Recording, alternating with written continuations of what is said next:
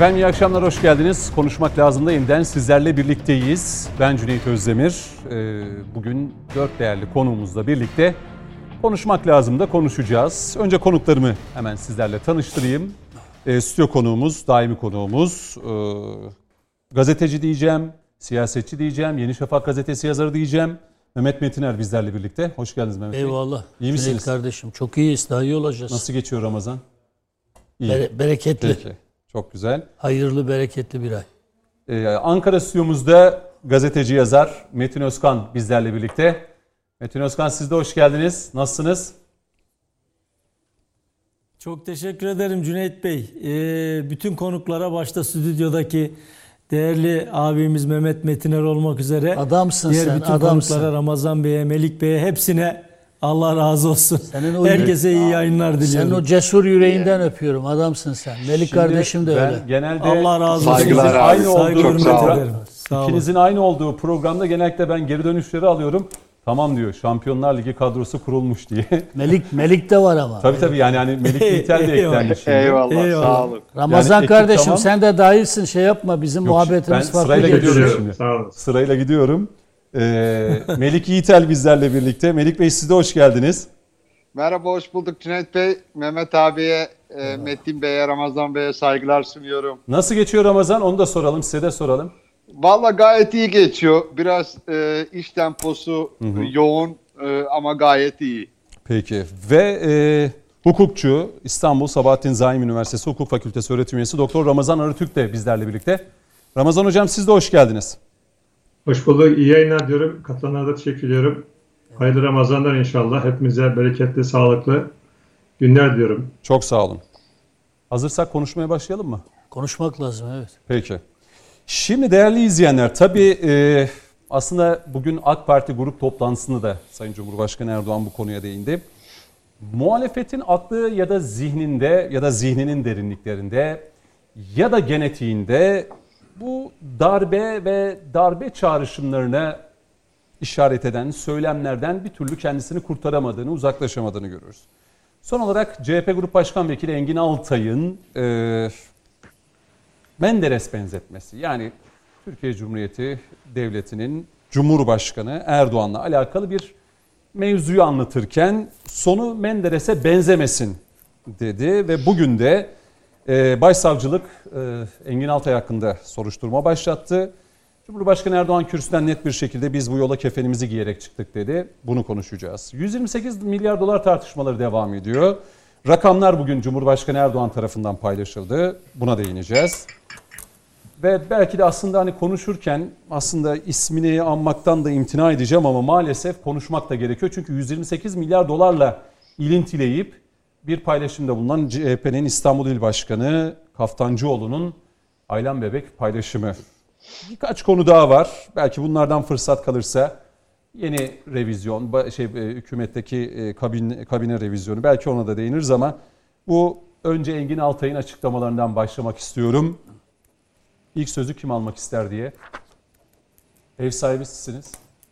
Mehmet Metiner. Yani bir jest yapıp Yani bizim IQ seviyemiz Engin Altay'ın IQ seviyesiyle e, aynı şeyde değil. Maalesef IQ'su çok yüksek bir siyasetçi.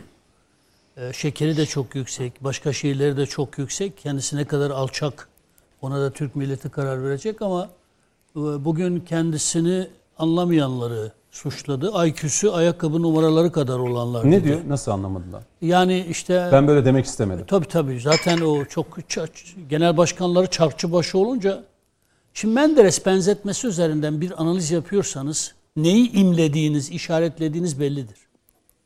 Böyle kelime oyunlarına gerek yok ya. Ömür ömürlerinde bir kez olsun mert olamıyorlar ya. Bir kez ya. Sözünüzün eri olun, mert olun. Menderes benzetmesi dost doğru milli iradeye karşı Sayın Ömer Çelik'in de dediği gibi ölümle tehdit savurmaktır. Bunun başka bir izahı yok. Kimsenin aklına başka bir şey gelmez zaten. Ha toplumun kahir ekseriyetinin IQ'su düşük. Engin Altan denilen, Altay denilen müptezel herife göre kendisinin IQ'su çok yüksek. Söylediği şey şu. Ben diyor konuşmamda işte Menderes'in de dinci çevrelere olağanüstü bir tolerans gösterdiğini ama sonrasında tehlikenin farkına varıp Atatürk'ü koruma kanunu çıkartmak zorunda kaldığını belirttikten sonra dedim ki inşallah e, Erdoğan akıbeti de Menderes gibi olmaz. Şimdi Ki o cümleyi kurdu. Şimdi yani bu, bu ya Engin Altay'ı tanımayan birisi için eyvallah da biz mecliste üç dönem beraber bulunduk. Nasıl ağzı bozuk, ayarsız, nasıl kalitesiz bir siyasetçi olduğunu, edep bahsinde zaten isminin anılmasının bile değerli olmadığı bir insan olduğunu şu an anlatmamıza gerek yok. Bugün Sayın Cumhurbaşkanımız da o edepsiz diye tanımladı kendisini. Hakikaten yani o, onu meclisten tanıyanlar, konuşmalarını bilenler. İşte Türk askeriyle ilgili lejyoner sıfatını çok rahatlıkla kullanabilecek kadar da müptezel biri olduğunu herkes bilir. Şimdi bir de aklımızla alay ediyor. Ben darbeden bahsetmedim. Ya sizin genlerinizde darbecilik var ya. CHP demek darbecilik demek ya. DHP, CHP normal şartlarda iktidara gelmiş bir parti değil ki.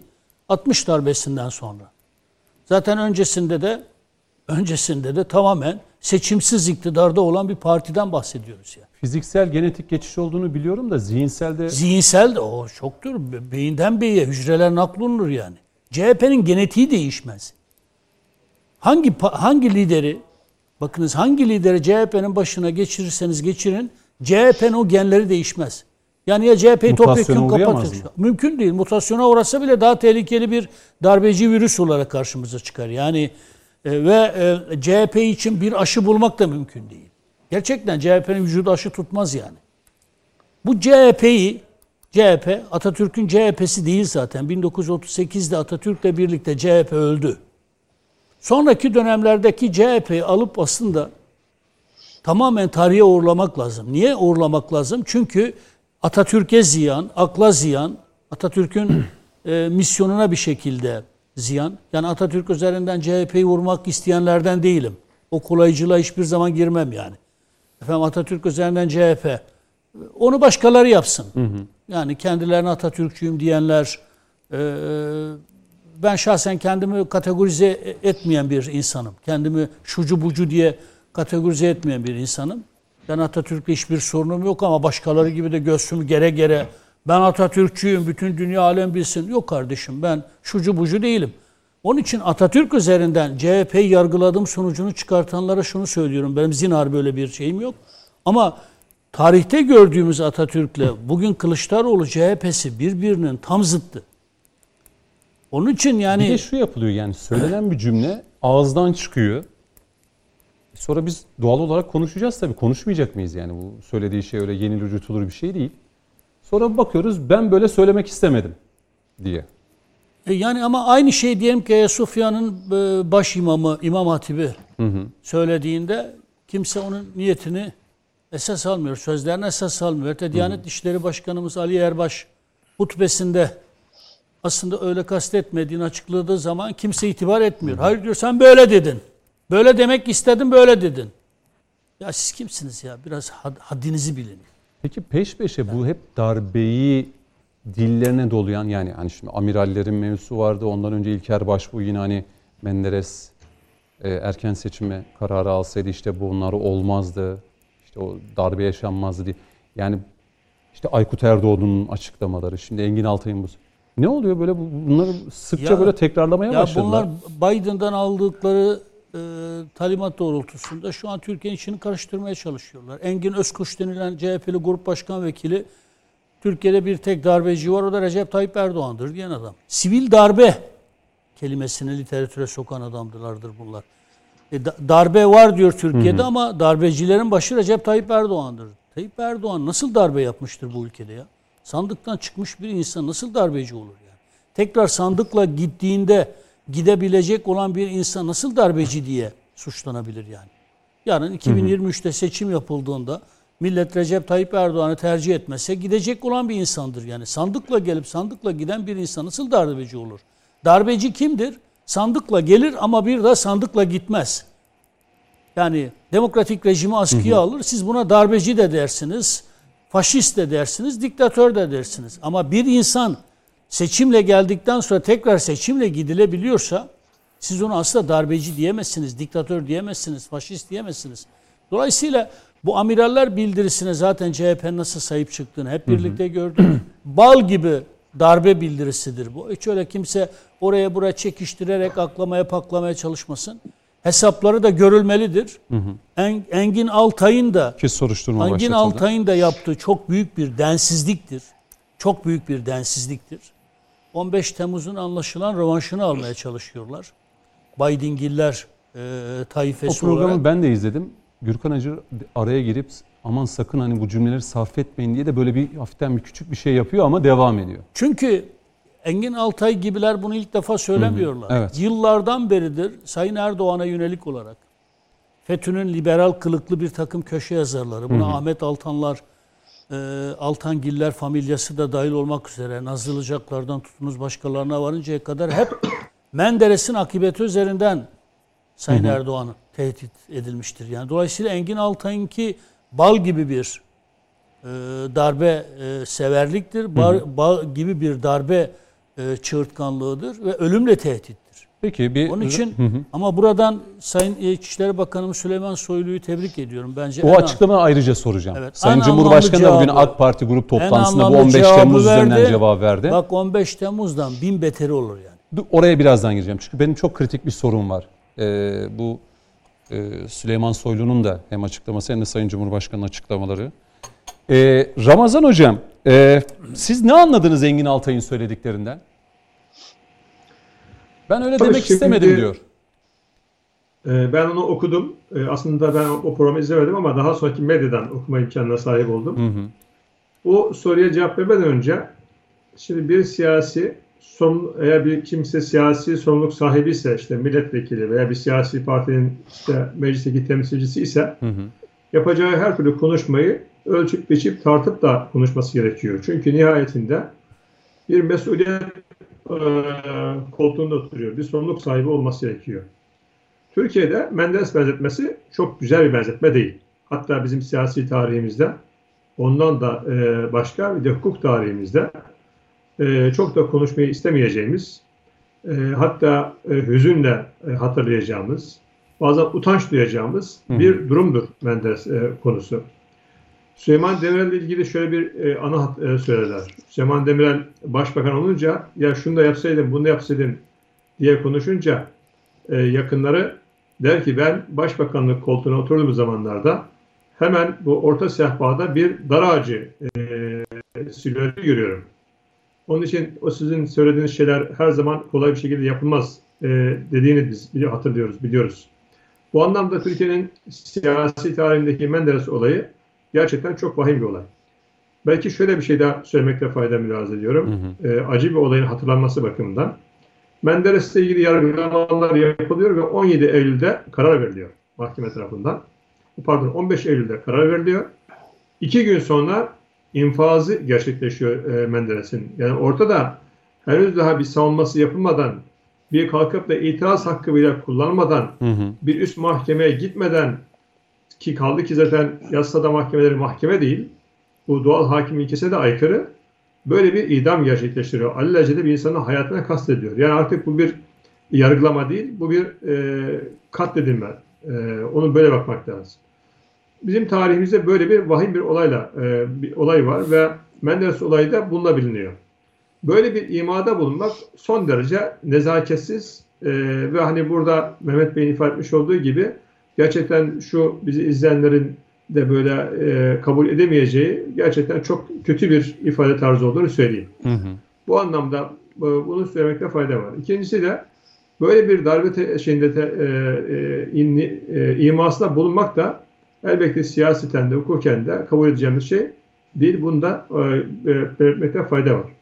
Fakat işin bir başka tarafı daha var. Hukukçusunuz mesela Sayın Engin. Altay'ın Evet, bu söyledikleri de bir kasıt, suç Onu söyleyeceğim. var mıdır? Onu söyleyeceğim. Şimdi Türkiye'nin taraf olmuş olduğu sözleşmeler var. Ayrıca iç mevzuatı var. Türkiye'nin taraf olmuş olduğu sözleşmeler ve iç mevzuata baktığımız zamanlarda siyasi polemikler, siyasi atışmalarda Hı hı. incitici, ağır eleştiri e, olarak görülen şeylerin e, temel insan içindeki fikir özgürlüğü bağlamında değerlenmesi gerektiği ifade ediyor. Yani burada Engin Altaylı'nın o konuşması gerçekten çok insanın kabul edemeyeceği bir konuşma. Hı hı. Bizim de çok canımız sıkan bir konuşma. Ancak bu konuşmayı eğer Avrupa İnsan Hakları Mahkemesi kararlarını baz alırsak, eğer Türkiye'deki e, fikir özgürlüğü bağlamındaki mevzuatı baz alırsak, fikir özgürlüğü bağlamında değerlenmesinin kuvvetle muhtemel olduğunu de- de- değerlendiriyorum. Elbette nihai değerlendirme Hı hı. sayın savcılarımıza ait olan bir değerlendirme olacaktır.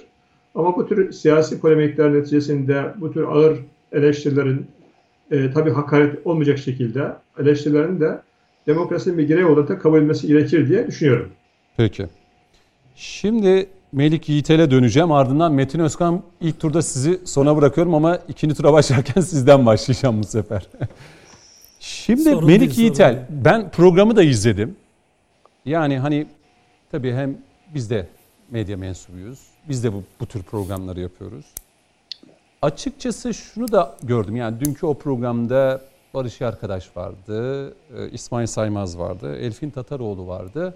Gürkan Acır yönetiyordu ve Engin Altay. Hani çok böyle kendilerini baş başa bıraktığınızda hep bu tür büyük gaflar ya da işte buna benzer e, cümleler sarf edildiğine tanıklık ettik. Yani muhalif olan gazeteci olabilir, milletvekili olabilir, siyasetçi olabilir, hukukçu olabilir. Bunun da etkisi olabilir mi? Hani Yandaş yandaş muhalif değil bunlar. Tabii. mi? Tabii. candaş deniliyordu ama bir ara bilmiyorum hani şimdi. Buyurun. Ee, şöyle yani rahat bir ortamda tabii e, bilinçaltı dökülüyor. E, şimdi en büyük e, tuhaflık da şu. E, bunları söyledikten sonra da ben aslında bunu demek istemedim. Şimdi aynı Şöyle sorayım mesela. Diyelim ki Engin Altay gazeteci olarak Melik Yiğiter sizsiniz. Metin Özkan. Hadi bir kişiyi daha ekleyelim yanınıza. Böyle bir soru sordunuz şey. Böyle bir cevap verir miydi? E, yani vermezdi. Eğer verse de aman ha yani bu söylediğiniz demokrasiyle örtüşmüyor diye uyarırdık. E, ben en azından bunu yapardım. Hı hı. E, yani sonuç itibariyle bir e, Gök, gök kubbe şey- başına inerdi ya. Biz orada olsaydık sen, ben, Metin. Aynen öyle. Bizim Ağzını bulunduğumuz bir yani- ortamda o Ağzını lafı payla. söyleyecek delikanlı olamaz. Tabii yani mümkün mü? Aynen. Şimdi burada yürek mi e, yürek mi yedin diye sorardık mesela. ya yani şimdi burada tuhaf olan şey şu e, önce söylüyorlar sonra da ben aslında öyle demek istemedim. Hatırlayın mesela Canan Kaftancıoğlu e, öyle ya da böyle gidecekler ya sandıkla ya, ya da başka bir şekilde. Şimdi seçimde sandık dışında başka bir şekilde nasıl bir yol var? Sandık dışında bir yol yok. Başka bir şekilde dediğinizde neyi kastettiğiniz çok açık. Ya da işte Özgür Özel e, meclisteki bas toplantısında memurları tehdit ederken işte iktidarın sonu geliyor. Bitti artık biz duruma el koyuyoruz. İşini iyi yapan memurla sorun yok ama yapmayana hesabını sorarız diye. Ortada seçim yok bir şey yok. Hı hı. Bitti biz geliyoruz derken neyi kastediyorsun? E, bu çok tartışıldı. İlker Baş bu kitabında tam seçim tartışmalarının olduğu dönemde kitabını anlatırken mülakatta ya e, seçim olsaydı ben seçim kararı alsaydı Menderes asılmayacaktı. Ragıp Zarakoğlu köşesinde sonu Menderes'e benzeyecek diye Menderes'in idam fotoğrafını köşesinin tam ortasına koyuyor. Böyle bir yazı kaleme alıyor. Şimdi bütün bunlar e, tartışıldıktan sonra da ben böyle demek istemedim. O zaman tam olarak ne demek istediniz? Yani sizler eli kalem tutan insanlarsanız derdinizi pekala birkaç cümlete anlatabilirsiniz. Yani tam olarak ne demek istediğinizi söyleyin. Biz de onu tam olarak ne olduğunu anlayalım. Fakat öyle değil. Bu çok bilinçli yapılıyor. Niye yapılıyor? Bir korku siyaseti. E, temel dert o. Yani bir korku siyasetini pompalamak. Eski Türkiye e, ezberi. Eskiden e, nasıl korkutuyorlardı? Ya işte postal gösteriyorlardı ya da işte böyle omuzda apolet e, gösteriliyordu. Siyasete ayar veriliyordu. Korkutuluyordu. Bir korku siyaseti. Şimdi e, anlaşılamayan durum şu. E, yani Türkiye'nin artık sosyolojisi değişti. E, Türkiye'de e, AK Parti 2002'den bu yana e, iktidarda e, bir yandan hani siyasetin şartlarını değiştirip demokratikleştirirken, sivil siyaset alanını genişletirken Türkiye'nin sosyolojisi de değişti. 15 Temmuz Türkiye'nin sosyolojisinin değiştiğinin açık bir göstergesidir. Onun seçtiğine dokunduğunuz anda başınıza neler gelebileceğine dair somut bir kanıttır.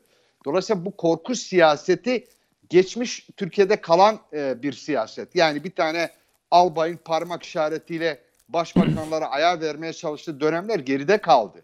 E, bu korku siyaseti işe yaramaz. E, bu korku siyaseti olsa olsa e, sizi e, siyaset minderinde tartışmalı hale getirir. Sizin demokrasi sicilinize bir eksi olarak e, kaydedilir. Ama bir yandan tabii CHP'nin tarihsel bir bagajı var. O da görmezden gelinemez. Yani e, CHP'nin bir tarihsel bagajı var. Bugüne getirdiği bir miras var.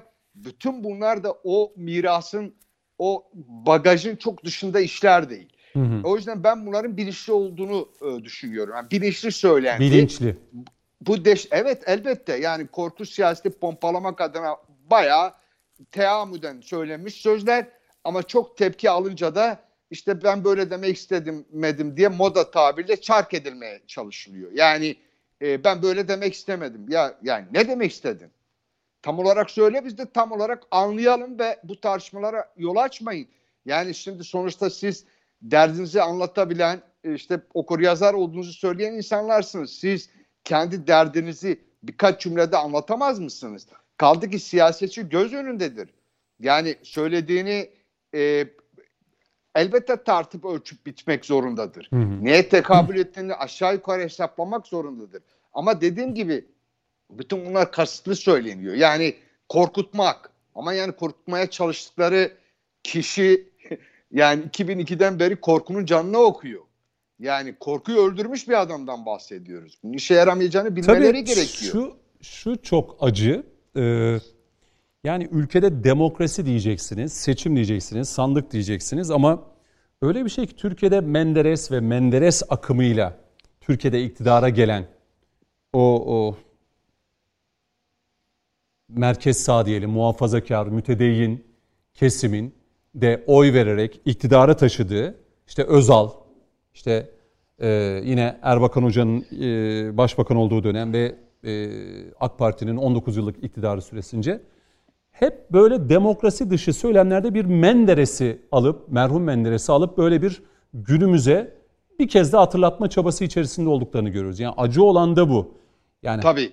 Hatırlata hatırlata yani Türkiye'de demokrasi olsun, daha iyi demokrasi Rahmetli olsun. Özal'a da sayın... E, tabii yazıyorlar aynı başlıklar. Emre'yle de Özal'a diktatör evet, demediler evet. mi? Yani, küçük diktatör. Yani bir sürü takunyalı dediler, diktatör dedi, bir sürü şey yazdılar. Yani onu anlayamıyorum. Yani, Şimdi Metin Özkan'a döneceğim. Melike İter son cümlenizi alayım belki. Hani bu... Bir cümleyle Hı-hı. E, söylediğinize ilave olarak bu e, Menderes meselesi üzerinden siyaseti korkutmak, ürkütmek yarım asırdır e, Türkiye siyasetinde hep boy gösterdi. Yani Özal'a da, Demirel'e de, e, Erbakan'a da aynı şeyler yapılmak istendi. Hı hı. E, fakat benim iddiam şu yani e, siyasetin artık e, şartları değişti, Türkiye'nin sosyolojisi değişti ve bu artık işe yaramıyor. Bilakis karşıdakini hı hı. daha da e, öfkelendiren e, bir durum haline geldi. Yani e, işte korkutan bir şey değil artık o. E, bilakis hani e, evet yani bunun hesabını sormak. E, o yüzden de e, bundan vazgeçmeleri gerekiyor. Bu artık işe yaramıyor. Bitti o. Evet. Şöyle ben müsaade ederseniz bir ekleme yapabilir miyim? Bir cümle ekleme ee, yapayım. Metin Özkan'a döneceğim. Ramazan Hocam. Şimdi aslında e, CHP Cumhuriyet'in kurucu partisi. Hı hı. Yani e, Türkiye Cumhuriyeti'nin siyasi anlamda kuran parti Cumhuriyet Halk Partisi ve bir ideolojiyle kuruluyor aslında. Cumhuriyet Halk Partisi'nin yol haritası o gün şartlarda işte diyelim ki işte köy, okul, köy enstitülerini düşünün, yapmış oldukları bir takım devrimleri düşünün, Türkiye'deki halkın temel inanç değerlerini yok farz etmeyi düşünün hı hı. ve kendi düşüncelerine göre bir ideoloji üreterek devleti, Türkiye Cumhuriyeti Devleti'ni, bu halkı da bir yere taşımaya çalışmışlar. Aslında Menderes hareketinin bizim belki de üzerine durmamız gereken nokta CHP'nin kendince 100 yıl boyunca çizmiş olduğu 100 yıllık bir projesinin dışına çıkarak, o yol haritasından çıkarak devletle halkı buluşturan adamdır Menderes. Devletle çok halkı önemli. buluşturması Hı-hı. sebebiyle de e, o güç odakları militarist düşünce Menderes'in sonunu getirmiştir. Bu anlamda biz Menderes'le ilgili bir takım açıklamaları, tarihi kayıtlara baktığımız zamanlarda işte gelin seçim yapalım. İşte seçime evet o zamanlarda seçim çağrısı yapılıyor.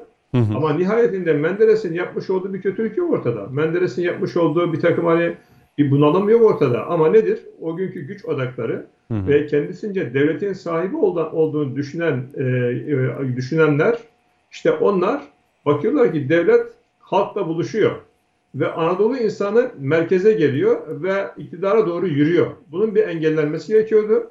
Bir gözdağı verilmesi gerekiyordu. Evet. Ve Evet. onun neticesinde de Menderes'e böyle bir suikast yapılmıştır. Bu e, Menderes'in yargılaması bir yargı değildir e, değerli arkadaşlar. Bir suikasttır. Peki. Çünkü ortadaki Yastada'daki kurulan mahkeme de bir mahkeme değil, değildir ve cellatlar topluluğudur. O yüzden doğal hakim ilkesine aykırı bir şekilde mahkeme kuruluyor. Biraz önce ifade ettim. Hı hı. Yargılama yapılıyor. İki gün sonra karardan iki gün sonra da infazı gerçekleşiyor. Dünyanın hiçbir yerinde bu görülmez. Peki. Ha, karar verdin ama en azından e, temiz edersin, üst, üst kurula gidersin, tekrar yeniden yargılarsın. Çünkü insan hayatına son veriyorsun. Ama nedir? Adil derecede burada bir infaz gerçekleşiyor. Bundan dolayı şöyle bir şey ben şöyle cümlemi bağlamak istiyorum. Devam edelim mi? Nihayetinde- turda devam edeceğim ama Metin Özkan cümle, bana şu an hafiften yan yan bakıyor. Bir, görüyorum. Bir cümle rica edeceğim ben burada. Bu mecradan, bu damardan gelen siyasilere baktığımız zamanlarda yani adamın e, tabiatında var. Yani konuşması kendince samimi konuşuyor. Tabiatında bu ülkenin değer yargıyla çatışan bir anlayışı yansıtıyor aslında.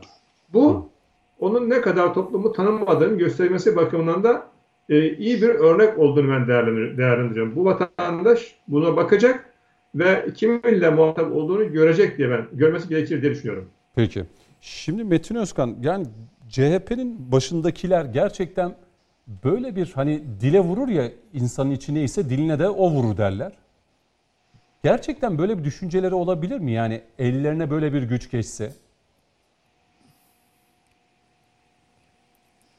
Vallahi e, ne deneyelim ne de görelim Cüneyt Bey. Ya aslında işin özü ne biliyor musunuz? Bakın partinizdeki Cumhuriyet düşmanlarına ve Atatürk'e kefere diyenlere bir tek cümle edemeyeceksiniz. Ama bu ülkenin Cumhuriyet'in kurucusu Gazi Mustafa Kemal Atatürk'ün adını Gazi Mustafa Kemal Atatürk diye üstüne basa basa basa söyleyen ülkenin cumhurbaşkanına rajon keseceksiniz. Ya geçin bu işler arkadaş ya. Yani bunu işte kendi mahallenizde yani mahalle ben de aslında bu kavramı da sevmiyorum. Yani biz her yerde konuşan çünkü sözünü dudaktan gözünü budaktan esirgemeyen insanlarız. Bizim için mekanın, yerin, yurdun, hangi televizyonun, nerenin ve kimlerle olduğunun hiçbir önemi yoktur. Mehmet Metiner'le de Melik Yiğiter'le de bunu defalarca kez birçok televizyon kanalında test etmişizdir. Karşımızda kimin oturduğu çok önemli değildir. Bizim hangi ideolojide, hangi felsefede, hangi inançta ve hangi duruşta olduğumuz önemlidir. Ondan da Allah'ıma çok şükür inandığımız yoldan dönmemişizdir. Şimdi sorumsuz değil ama sorumlu bir siyasetçinin gerçekten e, aklına her geleni, aklına her geldiği yerde, aklına estiği gibi söyleyeceği bir platform değildir. O yüzden e, bizler burada yorumcu olarak bazı cümleleri sarf ederken televizyon ekranlarında fikrimiz, konuştuklarımız bizi de bağlasa yani şu gırtlağa bin kere gelip bin kere geri dönüyor ama oradan bir tane cümle çıkıyor. Çünkü en az 50 elekten geçirdikten sonra cümleyi sarf ediyoruz. Niye? Yani bir şeyden bahsederken ya kapıcı bile dediğimizde ya da işportacı dediğimizde ya da bir amiyane tabirle gözün kör mü kardeşim dediğimizde hemen şunu ekliyoruz. Görme engelli vatandaşlarımızdan özür dileriz. Bu bir deyimdir. Onun için kullandık diye. Şimdi bu kadar hassas davrandığımız bir yerde siz bir siyasi partinin ikinci adamı konumundaki insanlarsınız. Ağzınıza ve aklınıza her geleni her yerde konuşamazsınız. Ama siz çıkıp bu ülkenin şerefli askerlerine lejyoner, valisine, kaymakamına militan, cumhurbaşkanına da diktatör diyorsanız işte tam da sizin o sorduğunuz ilk soruya geliyorum.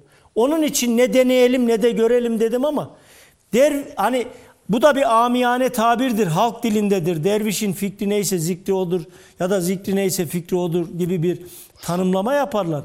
Cumhuriyet Halk Partisi'ne oy veren şerefli, onurlu, şahsiyetli, Atatürk sevdalısı, bu ülkenin birliğinden, beraberliğinden yana olan seçmenleri bir tarafa bırakarak söylüyorum. Şimdi Engin Altay ve onun gibi düşünenler Menderes korkutmasıyla yani ülkenin cumhurbaşkanını tehdit ederek ona parmak sallayarak aba altından bir Menderes e, göndermesi yapıp Menderes gibi e, o günlerdeki o çirkin hiçbirimizin tasvip etmediği insanlık dışı bir olayı, hukuk dışı bir olayı e, aba altından sopa göstererek ülkenin cumhurbaşkanını tehdit ederken ben Engin Altay'a soruyorum. Kime güveniyorsun kardeşim? Sana oy veren saygıdeğer CHP seçmenine güveniyorsan o seçmen seni bak tokat manyağı yapar. Bunu da açık ve net söylüyorum. Ha bu sözü FETÖ kırıntısı, kırıntısı Türk ordusunun içinde kalmış asker üniforması giymiş bazı muazzaflara dayanarak söylüyorsan onu bilemem. 104 emekli amirale dayanarak söylüyorsan onu bilemem. Abiniz Joe Biden'a koştura koştura tebriğe gittiğiniz Joe Biden'a güvenerek söylüyorsan onu bilemem. Macron'a mı, Mitsotakis'e mi, Makaryos'a mı güveniyorsun? Kime güveniyorsun bilmem. Ama biz Allah'a çok şükür Sayın Cumhurbaşkanı da bugün söyledi. Türk milletine güveniyoruz. Biz kefenimizi giydik geldik kardeşim dedi. Bizim bu işlere pabuç bırakacak halimiz yok. Sizin tehditlerinizden dolayı bu ülkeye hizmet etmeyi bırakacak halimiz de yok. Yani sizin söylediğiniz bir kulağımızdan girer, diğer kulağımızdan çıkar. Ama şunu bilin ki tehdit ettiğiniz makamı ve kişiyi iyi tanımlayın diyor. Ben Sayın Cumhurbaşkanı'nın bugünkü konuşmasını dinledim. Ee, çok da yerinde ve kıymetli buldum. Ee, o yüzden hani bu tür sözlerin Cumhuriyet Halk Partisi'ne de bir kazanım elde edeceğini zannetmiyorum. Yani kusura bakmayın da biz mahallemizde e, gelip de nara atan sahte kabadayılardan çok çektik kardeşim. O mahalleli çıkar sokağa, o sahte kabadayıları vallahi de billahi de ayakkabıyla kovalar, ayakkabıyla. O yüzden mahalleye gelip de nara atmanın bir anlamı yok. Sahte kabadayılığa da gerek yok. Ha içinde yüreğinde bir şey varsa bunu çıkar erkek gibi mert gibi söylersin. Biz çıkıyoruz söylüyoruz. Ve ne diyoruz? Sözümün arkasındayım kardeşim. Dün dünkü söylediklerimin de arkasındayım. Bugünkü söylediklerimin de arkasındayım. Yani söylediğiniz sözü bir saat sonra, iki saat sonra çark edecekseniz e kusura bakmayın da şimdi ben İlan Kesici'yi severim. Hı hı. E, siyaseten de çok eski tanırım. Değerli de bir siyasetçidir.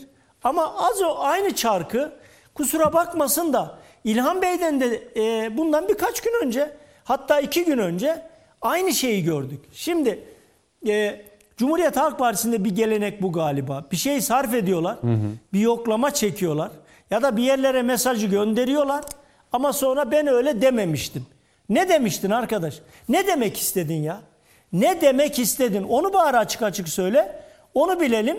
Biz de tavrımızı ona göre alalım. Öyle değil mi Cüneyt Bey? Peki. Hani bir de soru, soruya girerken e, Metin Özkan bana e, yan yan baktı dediniz. Bizim es, asla dostlarımıza, hayır, hayır, kardeşlerimize, sevdiklerimize yan Tabii bakışımız öyle, yan yan. olmaz. Asla. Bizim öyle külan beyliğimiz de olmaz. Biz CHP'deki sahte kabadaylara benzemeyiz. Nara atacaksak da gelir o narayı atar, sonucuna da katlanırız. Şimdi rahmetli Kemal Sunal'ın filmi aklıma geldi. Hani şey diyordu, var mı bana yan bakan deyince yok diyordu. Vallahi ben düz bakıyorum falan diyordu rahmetli Kemal Sunal filmde. Ee, şimdi e, hem İçişleri Bakanı e, Süleyman Soylu hem de Sayın Cumhurbaşkanı Erdoğan bugün grup toplantısındaki mesajlarına baktığımızda yani bu tür darbe hala aklında, kafasında, zihninde işte Menderes'i alıp günümüze getirip işte Cumhurbaşkanı da sonu böyle olmasın diye cümleler sarf edilince e, Süleyman Soylu'nun da Sayın Cumhurbaşkanı da söyledikleri hele bir deneyin bakalım ne oluyor. 15 Temmuz'da mezarlara gömdük dedi. Sayın Cumhurbaşkanı bu. Tam gömemedik, gömemedik yani. Sayın Soylu da tam gömemedik diyor. Hele bir Ace, daha bir denesinler. Acemiliğimizdi, evet. ilkti, şey Şimdi yapamadık tabii bu yani. cümleleri de sarf ederken çok da hoşnut değilim açıkçası. Niye böyle olsun? Yani böyle bir yani Türkiye'de darbeyi en son 15 Temmuz'da hainler yaptığında FETÖ'cü hainler ne olduğunu gördük. Bu millet nasıl ülkesine, nasıl Cumhurbaşkanına e, millet Ben bir anekdotumu anlatayım. Tabii buyurun, buyurun.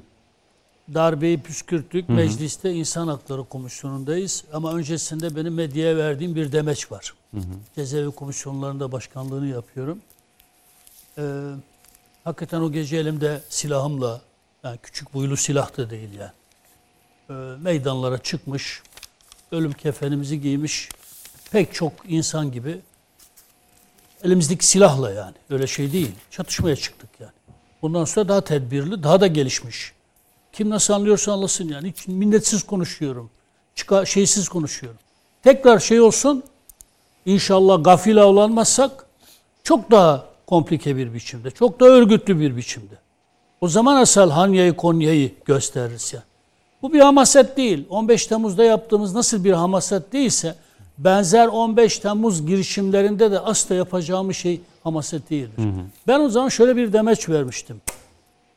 Ee, işte bunu anlattıktan sonra eğer bir çatışma anına rast gelmiş olsaydım alnının çatısına vururdum bu darbecileri diye.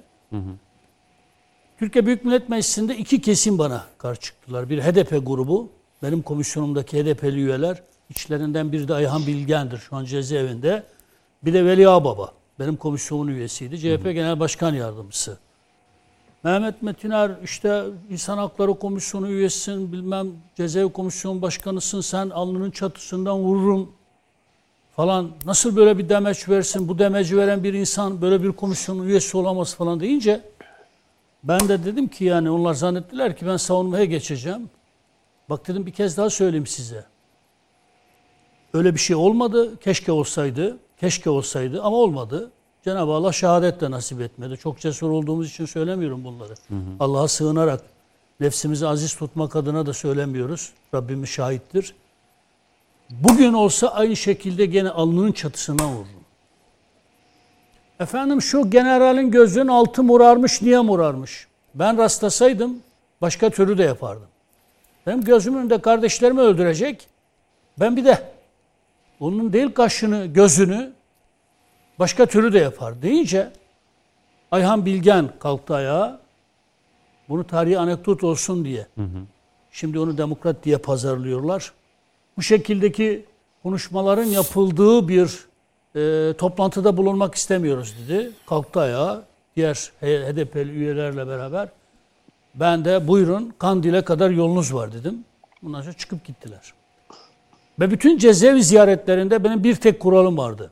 Asla FETÖ'cüleri ziyaret ettirmem. Ben komisyon başkanı olarak bulunduğum süre içerisinde cezaevi ziyareti yaptığımızda herkesle görüşürüz. Ama asla o FETÖ'cü hainlerle görüşmem, görüştürmem dedim. Bana CHP ve HDP'den çok şiddetli itirazlar geldi. Benim komisyonumun üyeleri, Sayın Başkan işte cezaevine gelmişiz onlarla tutuklu değil mi? Niye onları dolaş, onları görmemize izin vermiyorsunuz? Ben başkan olarak kaldığım sürece o alçakları, hainleri asla ne ziyaret ederim ne de onları dinlerim dedim. Siz milletvekilisiniz. Sonra tekrar resmi, resmi komisyonun dışında gelirsiniz, dinlersiniz. İşte siz gelmiyorsanız da biz gidip şey yapalım, koğuşlarına gidip hayır. Hiç izin vermedim. Şimdi birilerinin niye bizi sevmediğini herkes bilsin diye. Çünkü öyle bir mücadele verdi ki aslanlar gibi. Ee, diğer arkadaşlarımız da öyle. Ee, o dönemlerde Engin Altaylar o zaman genel grup başkan vekili değildi. Ne kavgalarımız oldu.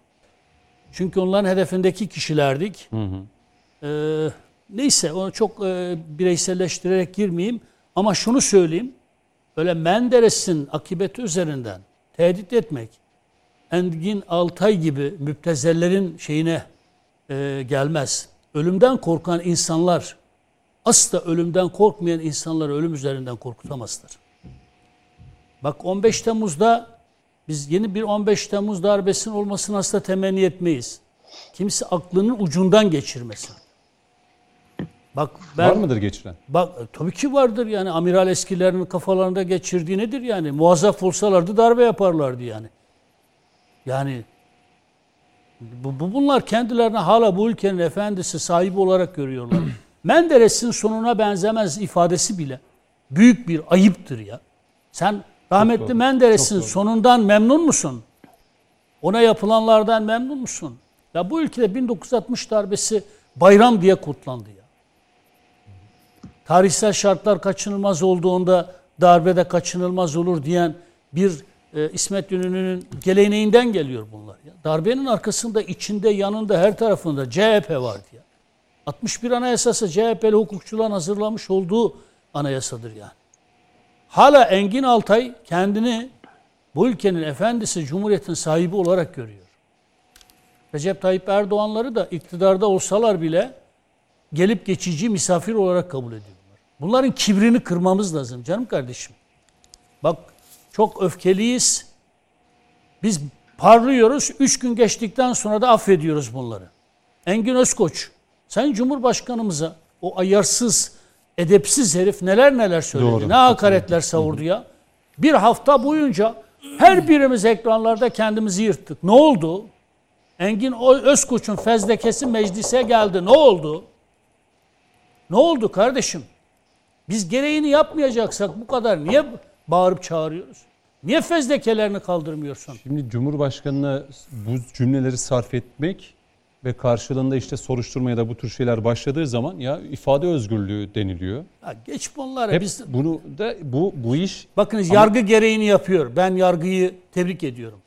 Türkiye Büyük Millet Meclisi hala gereğini yapıyor. ay bu işi kardeşim. sıradanlaştırmaya çalışıyor CHP. Yani hani böyle Peki çok biz rahat bir şekilde biz böyle konuştuğumuzda bizimki niye ifade özgürlüğü olmuyor da? İşte onu diyorum yani Ha, iyi Mehmet kamuf, Metin'e, kamufle etmeye Metin çalışıyorlar Özkan, ve Melik Yiğiter sıradanlaştırıyorlar. bizi ekranlarda tehdit etti. Lan be kof kabadayı. Delikanlı adam tehdit etmez gereğini yapar ya. Tehdit edenler dünyanın en korkak insanlarıdırlar. Biz de yine söylemlerimize dikkat edelim şu açıdan. Rütük zaten iki kanala da ceza verdi dünkü programda. Ağır ceza hem en üst sınırdan ceza verdi. Biz yine üslubumuzu koruyalım. Yani hani Bizim üslup sorunumuz yo, yo, yok. üslup derken hani Bizim- benzemeyelim onlara benzemeyelim. Biz, hiç gene konuşuyoruz onlara burada. da Biz benzemeyiz. konuşuyoruz. Tehditlerine papuç bırakmayız. Sayın İçişleri Bakanımızın da dediği gibi. Hele bir denesinler. Ha kapanmamış bir defter görüyorlarsa ortada hay hay biz o defteri kapatırız. Görülecek bir hesap olduğuna inanıyorlarsa o hesabı da görürüz. Bunu temenni etmeyiz. En kötü barış en kötü barış en iyi savaştan iyidir kardeşim. Biz barıştan yanayız. Biz bir arada barış içerisinde yaşamaktan yanayız. Ama sen ikide birde kalkıp ikide birde kalkıp e, parmak sallayamazsın kardeşim.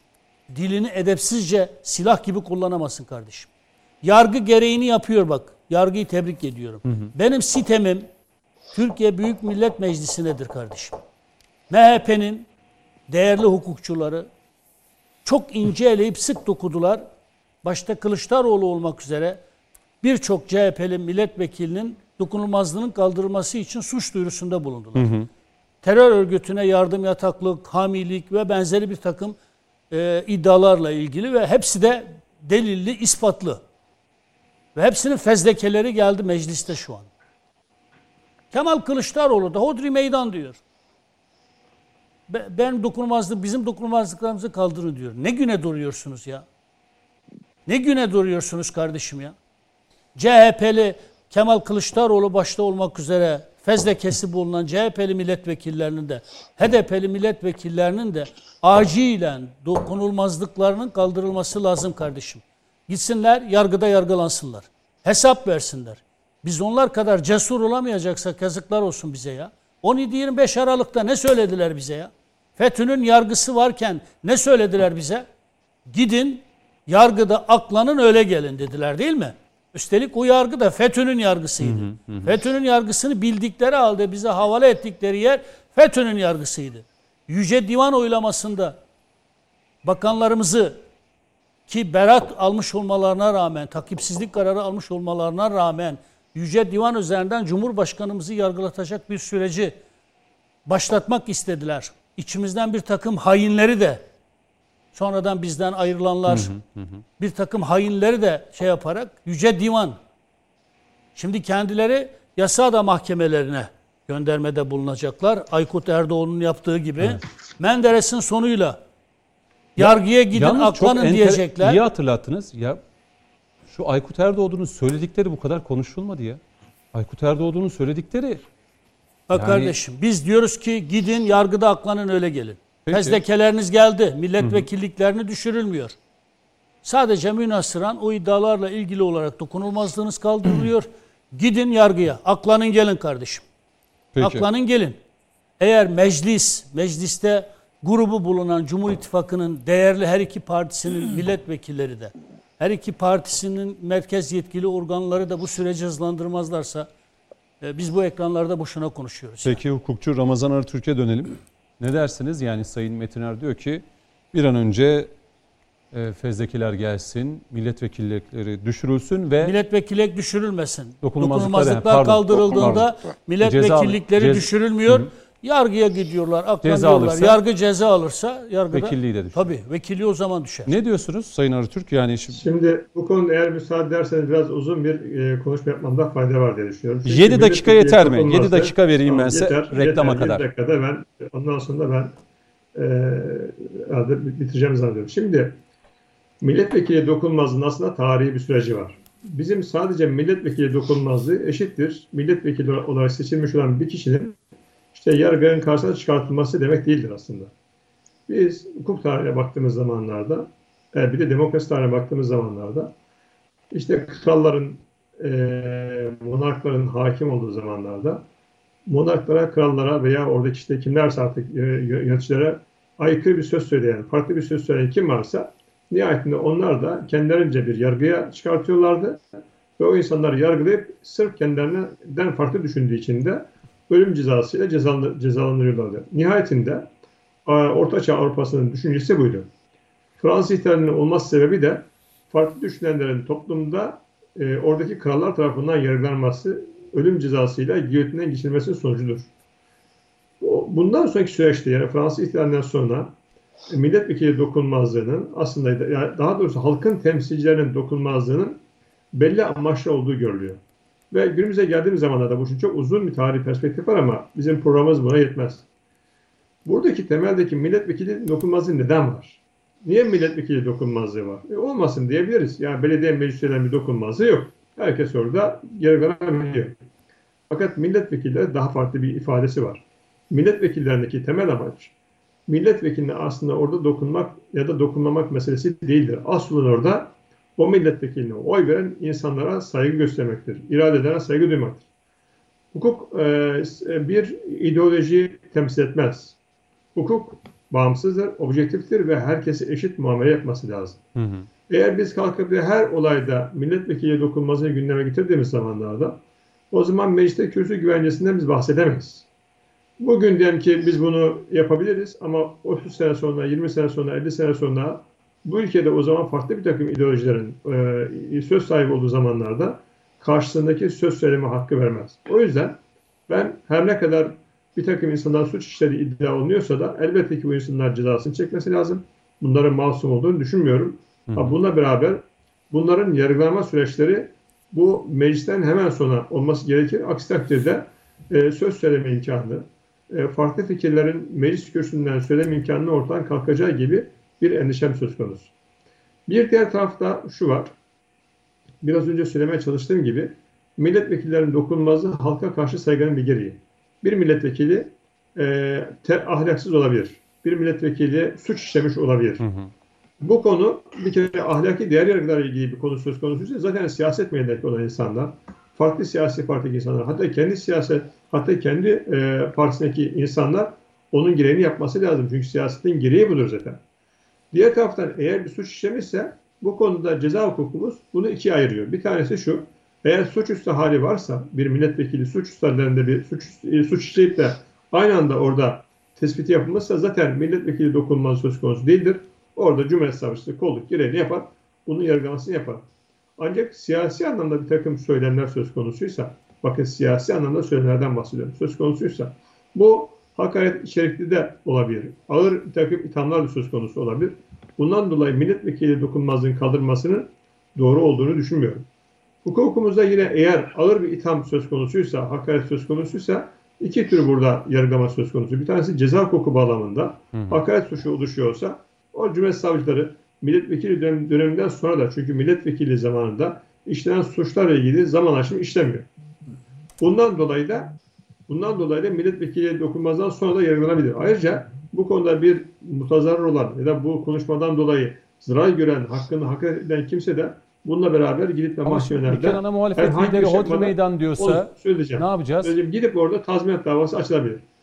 Şöyle bir şey. Ana bir muhalefet lideri diyor ki Hodri Meydan Evet. diyor. Düşürmezseniz yani şey diyor fezlekeyi getirmezseniz diyor. Namertsiniz. diyor. Namertsiniz diyor. bunların- Getirin diyor. Bunların hepsi, bunların hepsi ben hukukçu olarak, bunlar hukukçu olarak ben konuşuyorum. Burada bu siyasi bunlar tartışma konuları. Bunlar siyasi anlamda karşılıklı bir takım atışmalardır ve siyaset meydanının gereği de budur aslında.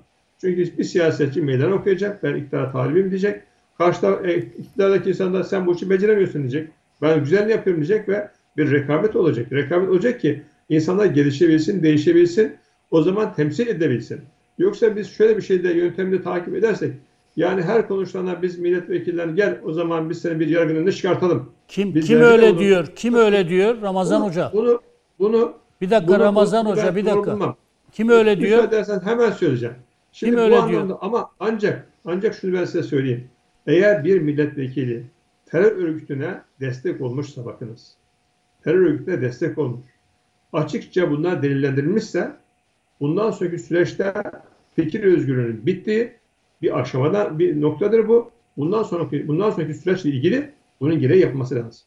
Ama bununla beraber yani fikri anlamda ya da işte siyaset anlamında birbirine karşılıklı bir takım beyanlarda bulunmasını her zaman getirip de bunu e, milletvekili dokunmazlığını kaldıralım.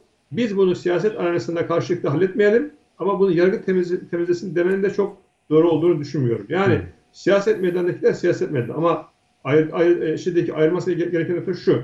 Açıkça söylüyorum eğer bir terör örgütüne yardım varsa, yataklık varsa, bir terör faaliyeti söz konusuysa hiçbir şekilde bunun koruması söz konusu değil. Peki bu söylemsel Düşün. düzeydeyse Şimdi diyelim ki terör örgütüne fikirleriyle, çağrılarıyla, sözleriyle destek veriyor.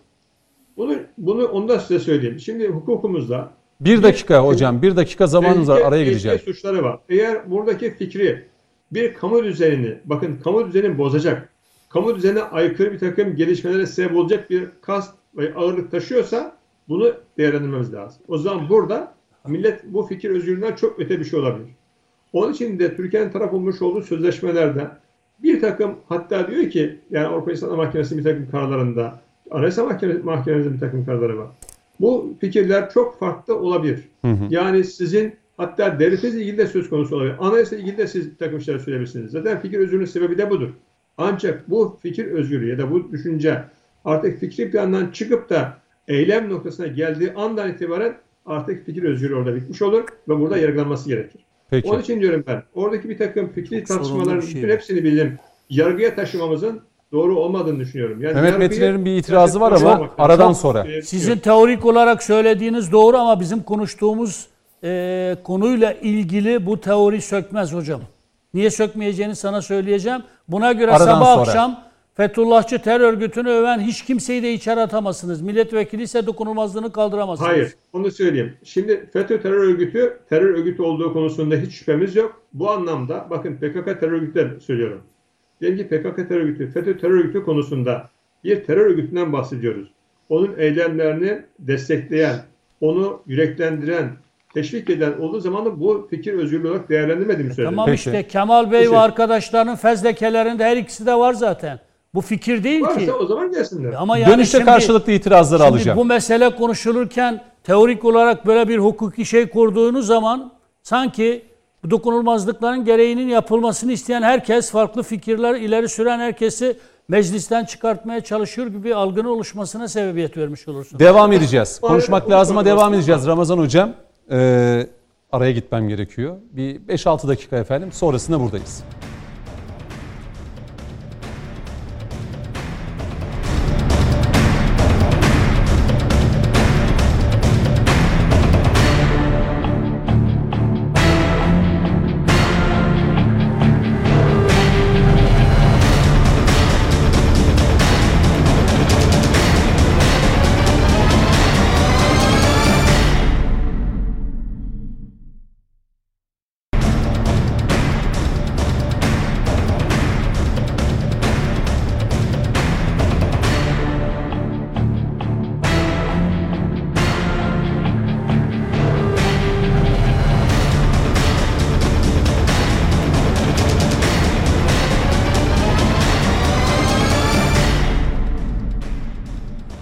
Evet konuşmak lazım. Devam ediyor. İkinci bölüme başlıyoruz değerli izleyenler. İlk bölümde Engin Altay'ın e, Menderes benzetmesiyle Cumhurbaşkanı Erdoğan'a hedef göstermesi hakkında soruşturma başlatıldı ve tepkiler de e, ardı ardına geldi. Biz ilk bölümde bunu konuştuk. Belki son cümleleri almak isteyeceğim. Mehmet Metiner bizlerle, Metin Özkan, Melik Yiğitel ve Doktor Ramazan Arıtürk.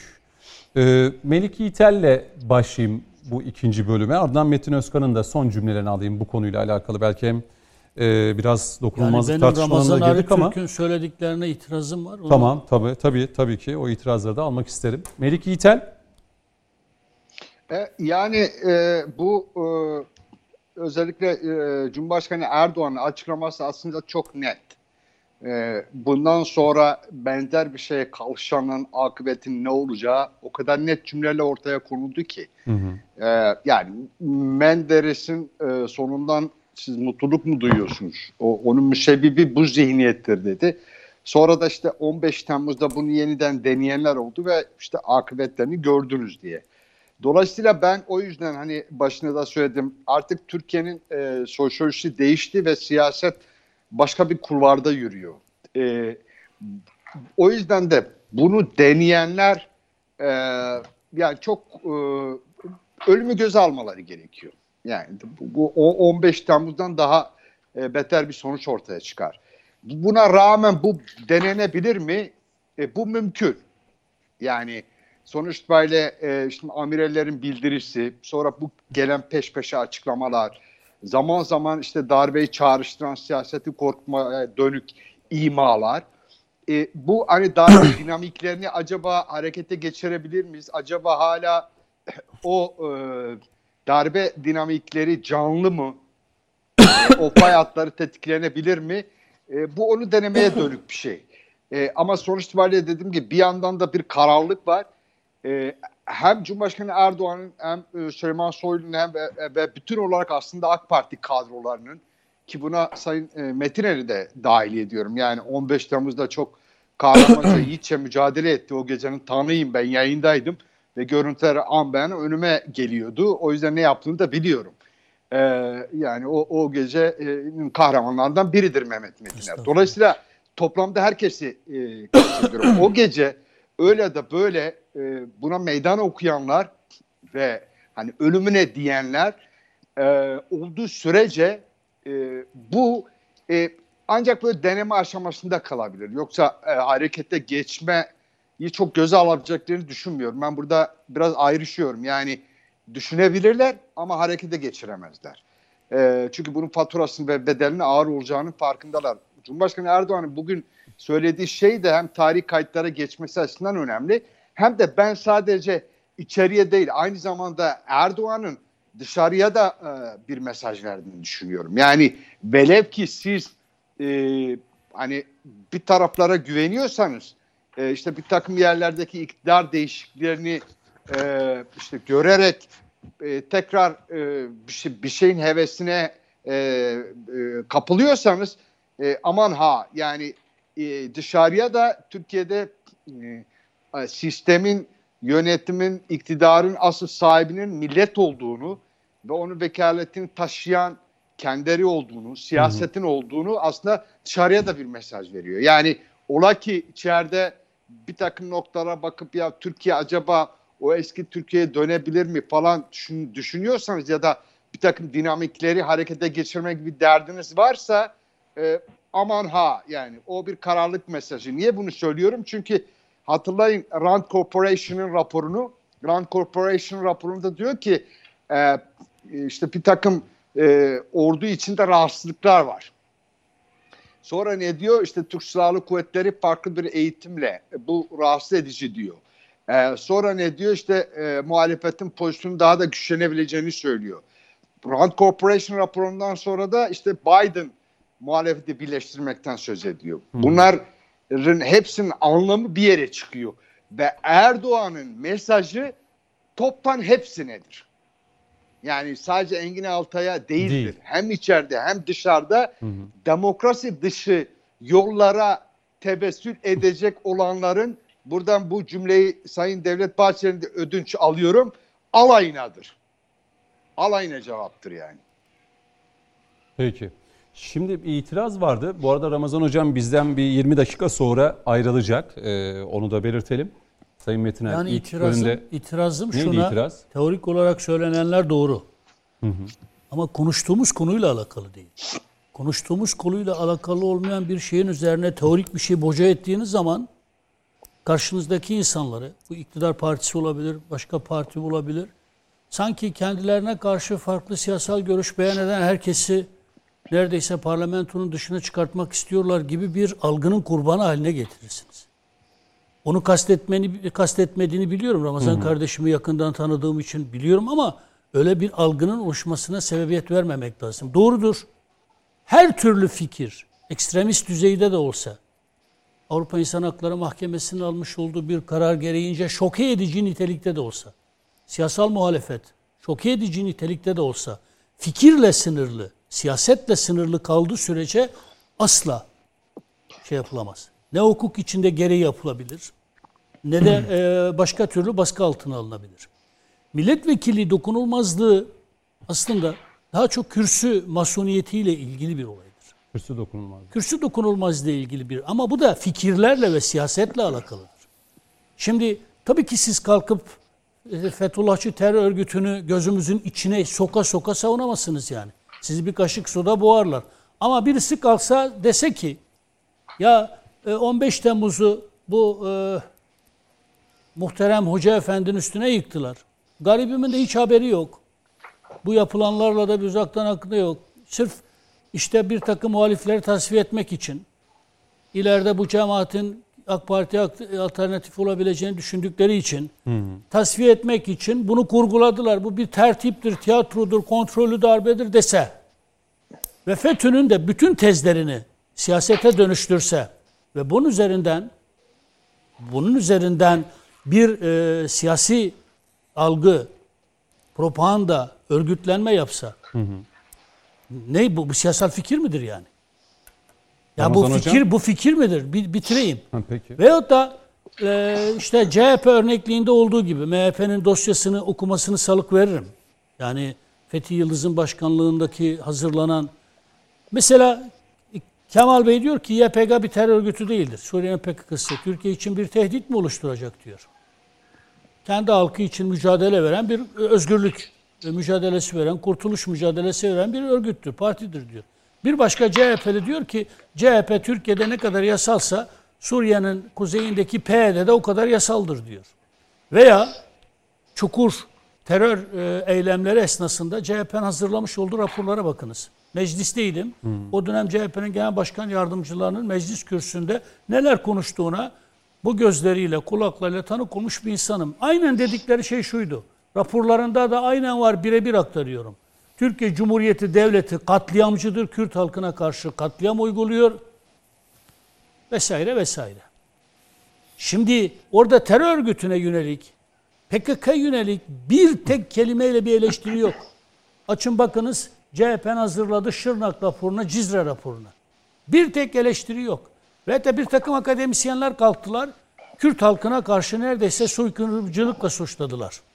Bunlar akademisyenlerdir diye efendim kişisel fikirlerini beyan ettiler. Terör örgütüne tek laf etmeden terörle mücadeleyi, devletin terörle mücadelesini bu şekilde terör örgütünün ağzıyla mahkum etmeye çalıştılar. Hı hı. Biz buna efendim fikir özgürlüğüdür, şoke edici nitelikte de olsa ve de bunu bir milletvekili, bir siyasi partinin genel başkanı açıklasa, efendim milletvekilidir, dokunulmazlığı vardır, görüş açıklamıştır.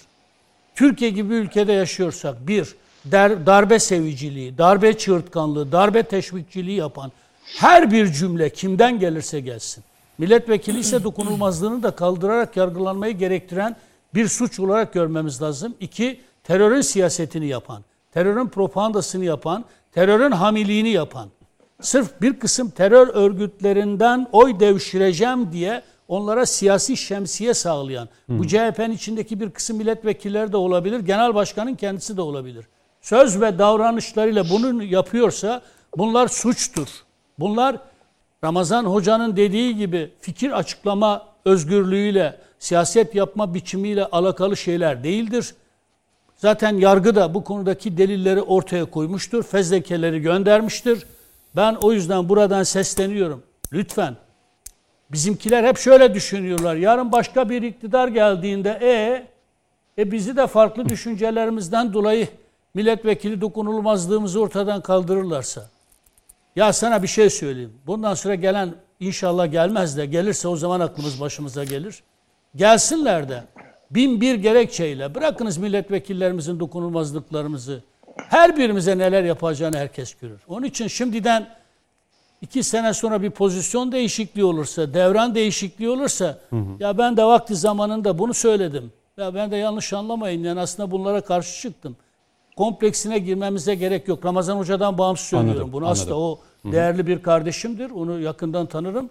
Ama teorik olarak söylediği ne kadar doğruysa bugün konuştuğumuz meseleyle ilgili olmadığı için de bir o kadar sanki farklı siyasal düşünceleri olan insanlar tasfiye edilmek isteniyor. Parlamentodan atılmak isteniyor. Dokunulmazlıkların kaldırılması buna hizmet eder gibi bir algının oluşmasına da Peki. sebebiyet vermemek Şimdi lazım Ramazan diye hocama sözü vereyim. Sonra kendisini uğurlayacağız Ramazan hocam. Ondan sonra ben, e, devam edeceğiz. Buyurun Ramazan hocam. bir siyasi olarak ben yokum. O yüzden hukukçu Mutlaka olarak ben hukukçu hiçbir olarak tabii ki.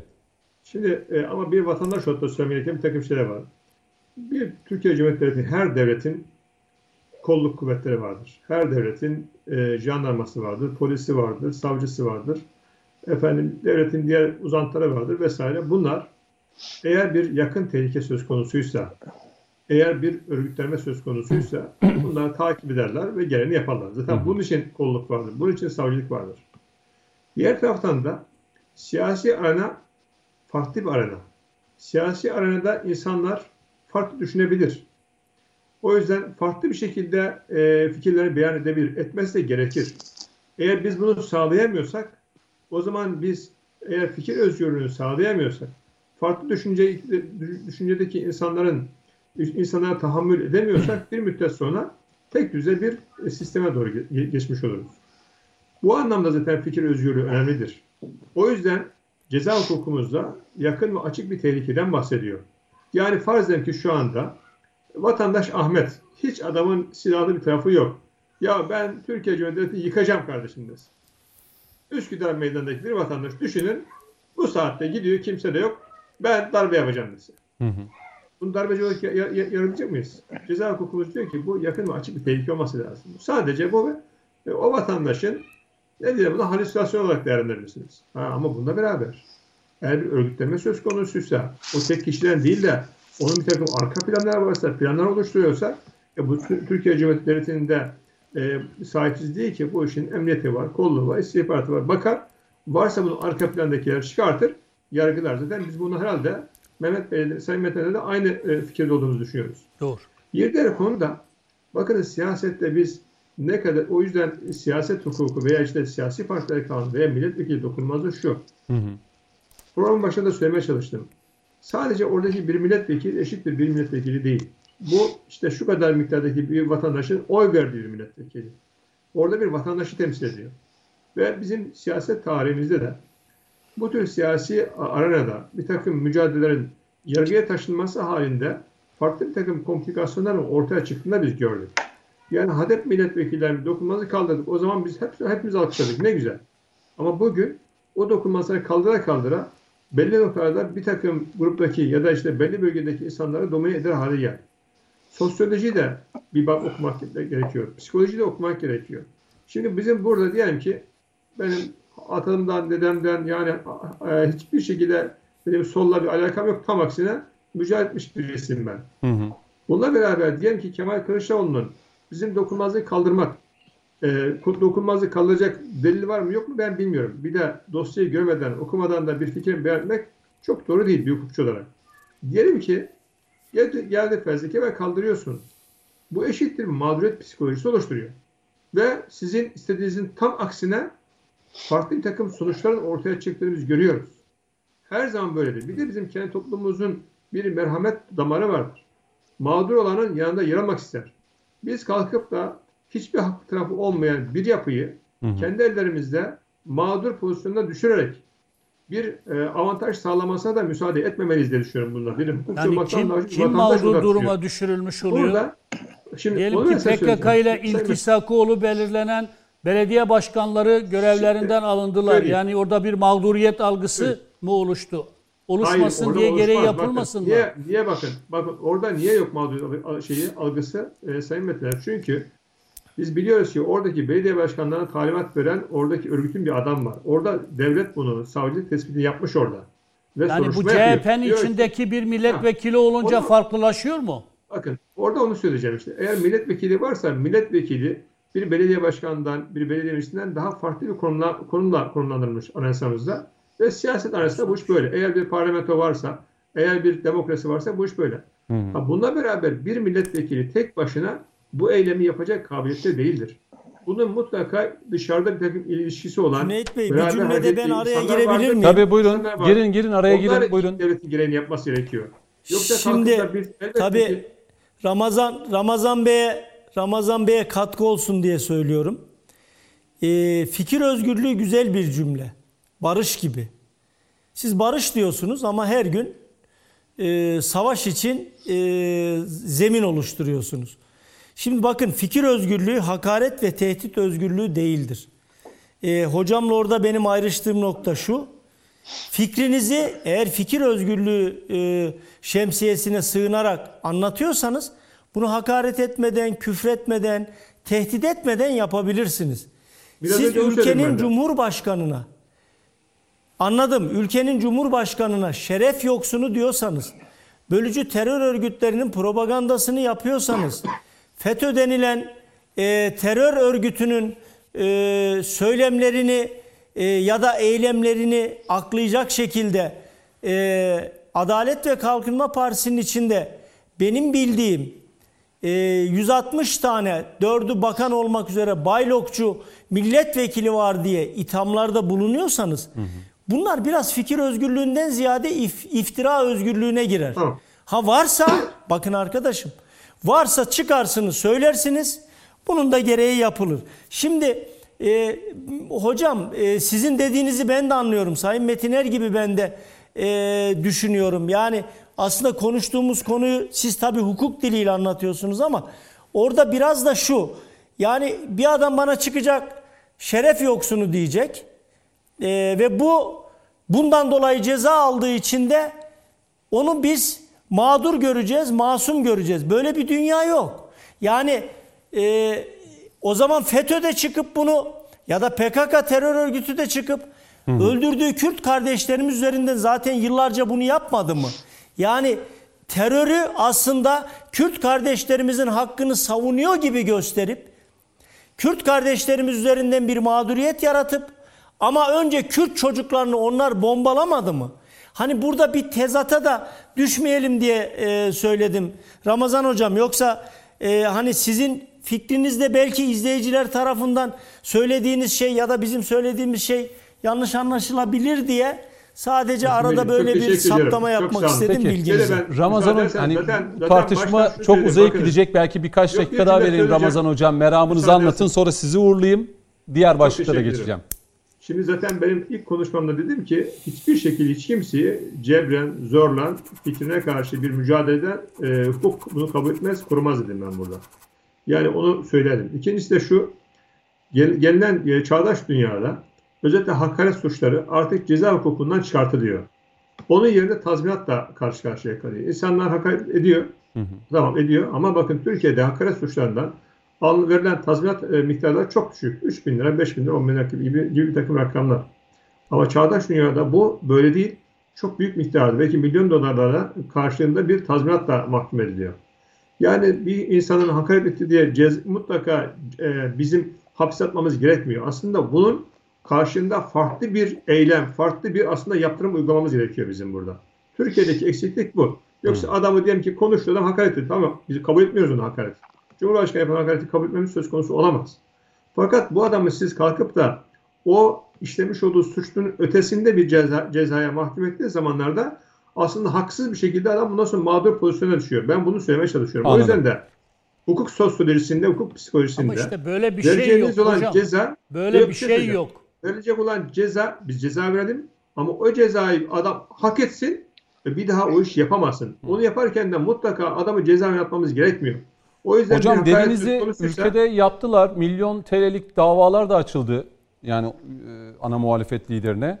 E hala devam ediyor. Yani e, bu Şimdi burada burada hakaret- şu var. Yani Ana bir muhalefet parti lideri üzerine ilgili kaç olan tane dava tazminat davalar da çok yüksek Kılıçdaroğlu. aslında. Ben milletvekili yaptığım itibariyle- için biliyorum süreç sistemi nasıl işlediğini.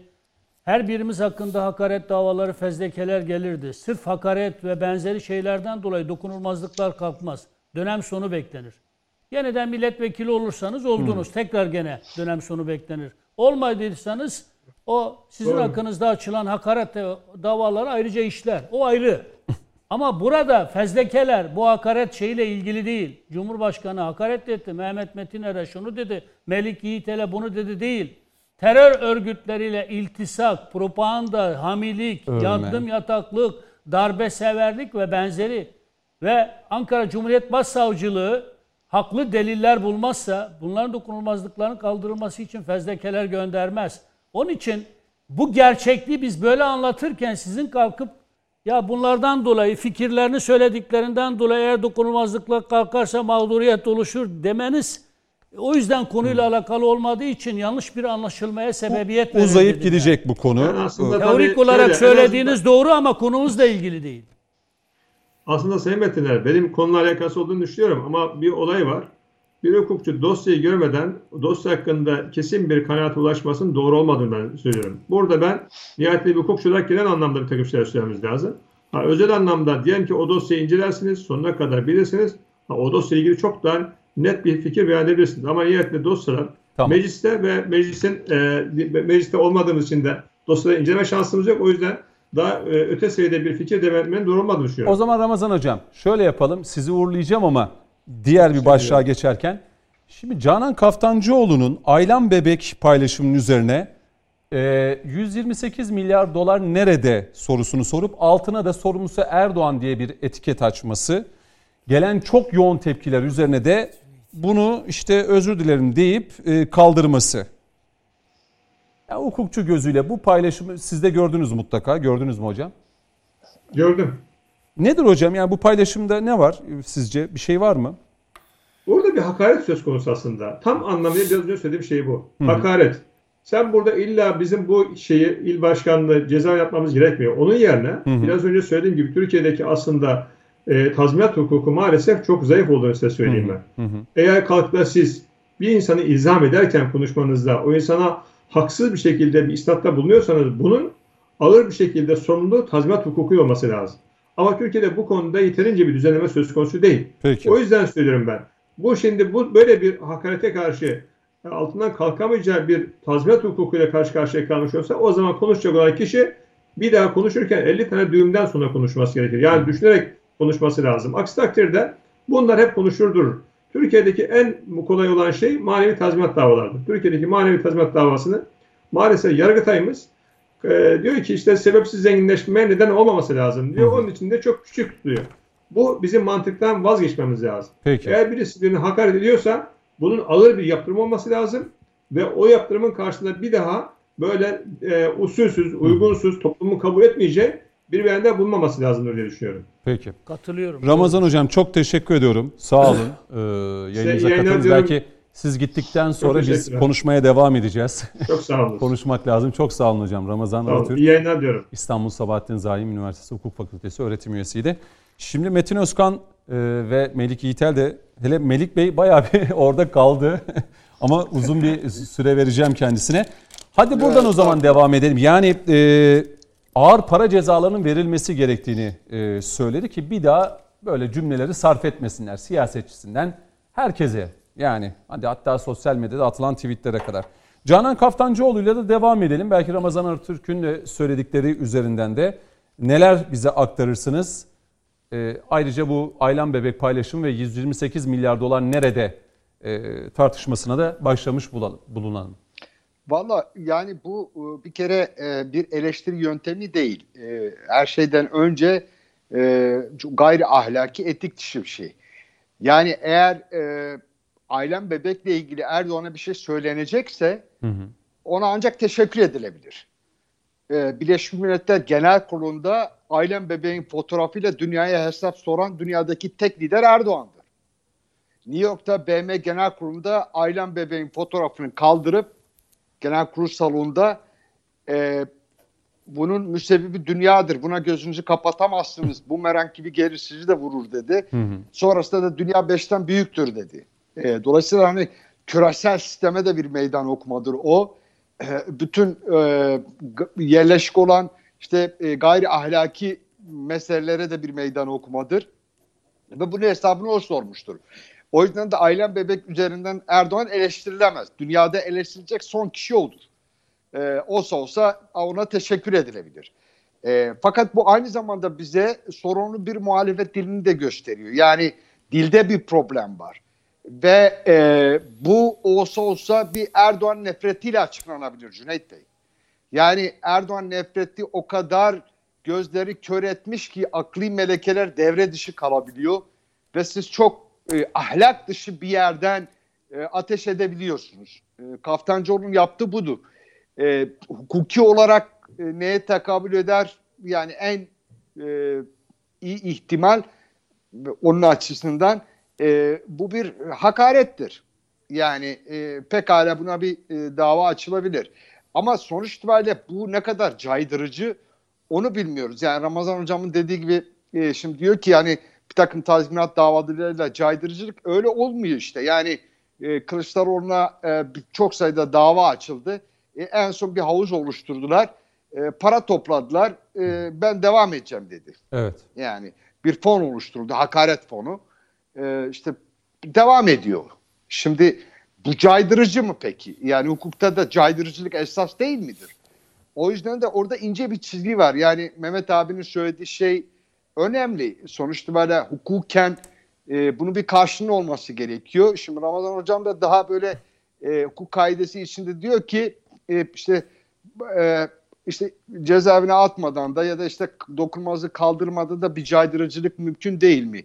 E değil. Yani mesela tazminat davalarının önünde biliyorsunuz dokunmazlık engel değil. Yani tazminatta mahkum ediyor. E, Kılıçdaroğlu kaç tane tazminat e, davasına mahkum oldu. E, ama devam ediyor. Bugün de devam, dün de devam etti.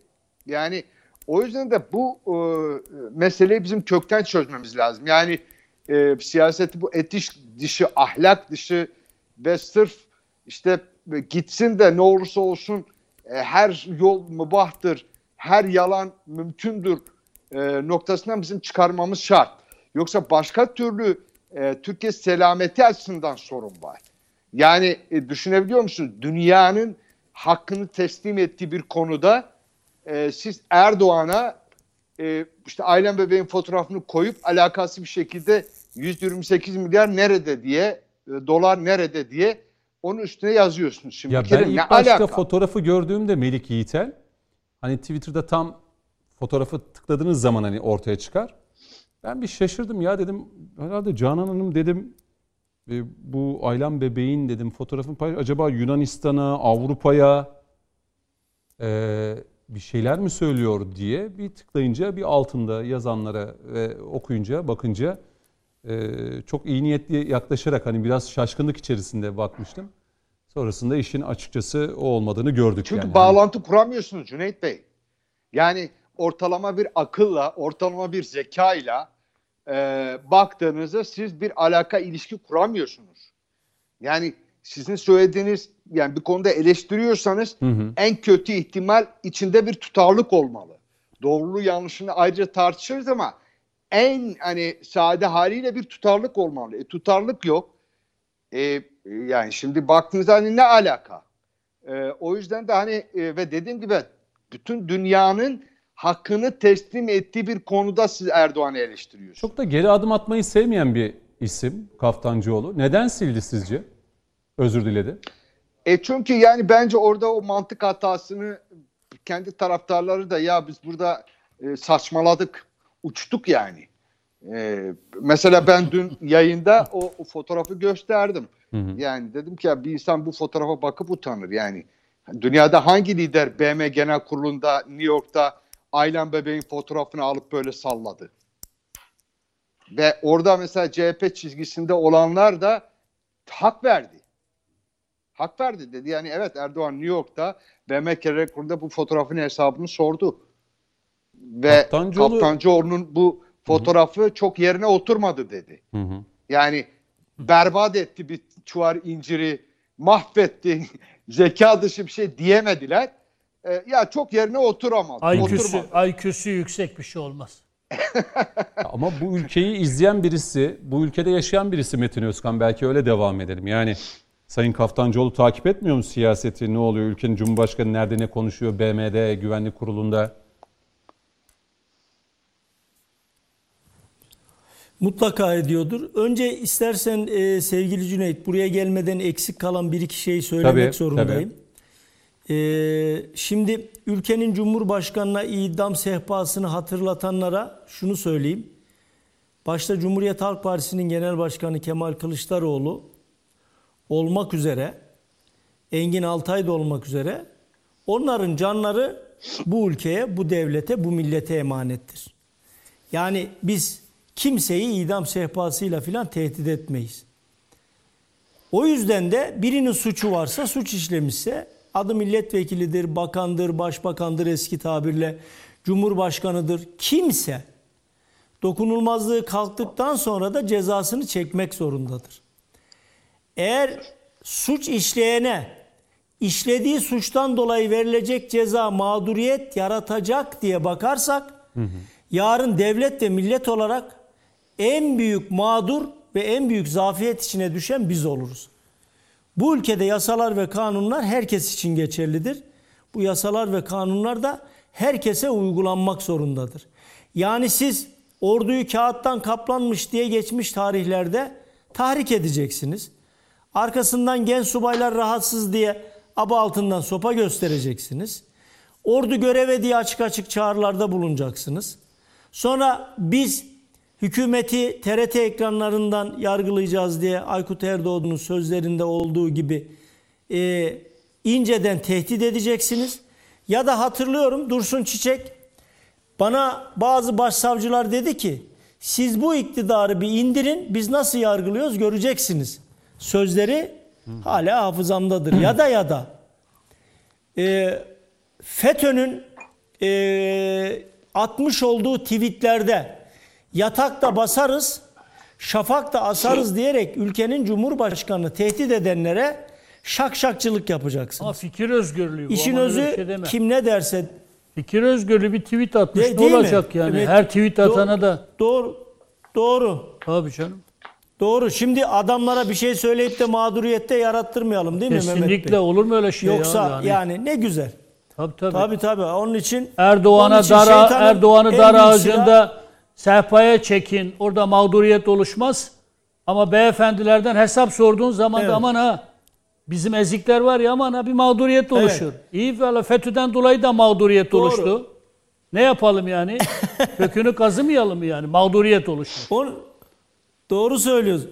Onun için onlara verilecek en güzel cevabı verdiğimi düşünüyorum. Onların canı da bize emanet. Evet. Biz bu ülkede e, e, bu ülkede hiç kimseyi ölümle ölümle tehdit etmeyiz. Teröristse terörle e, bu ülkeyi bölmeye çalışıyorsa Türk milletinin karşısında olduğunu bilir.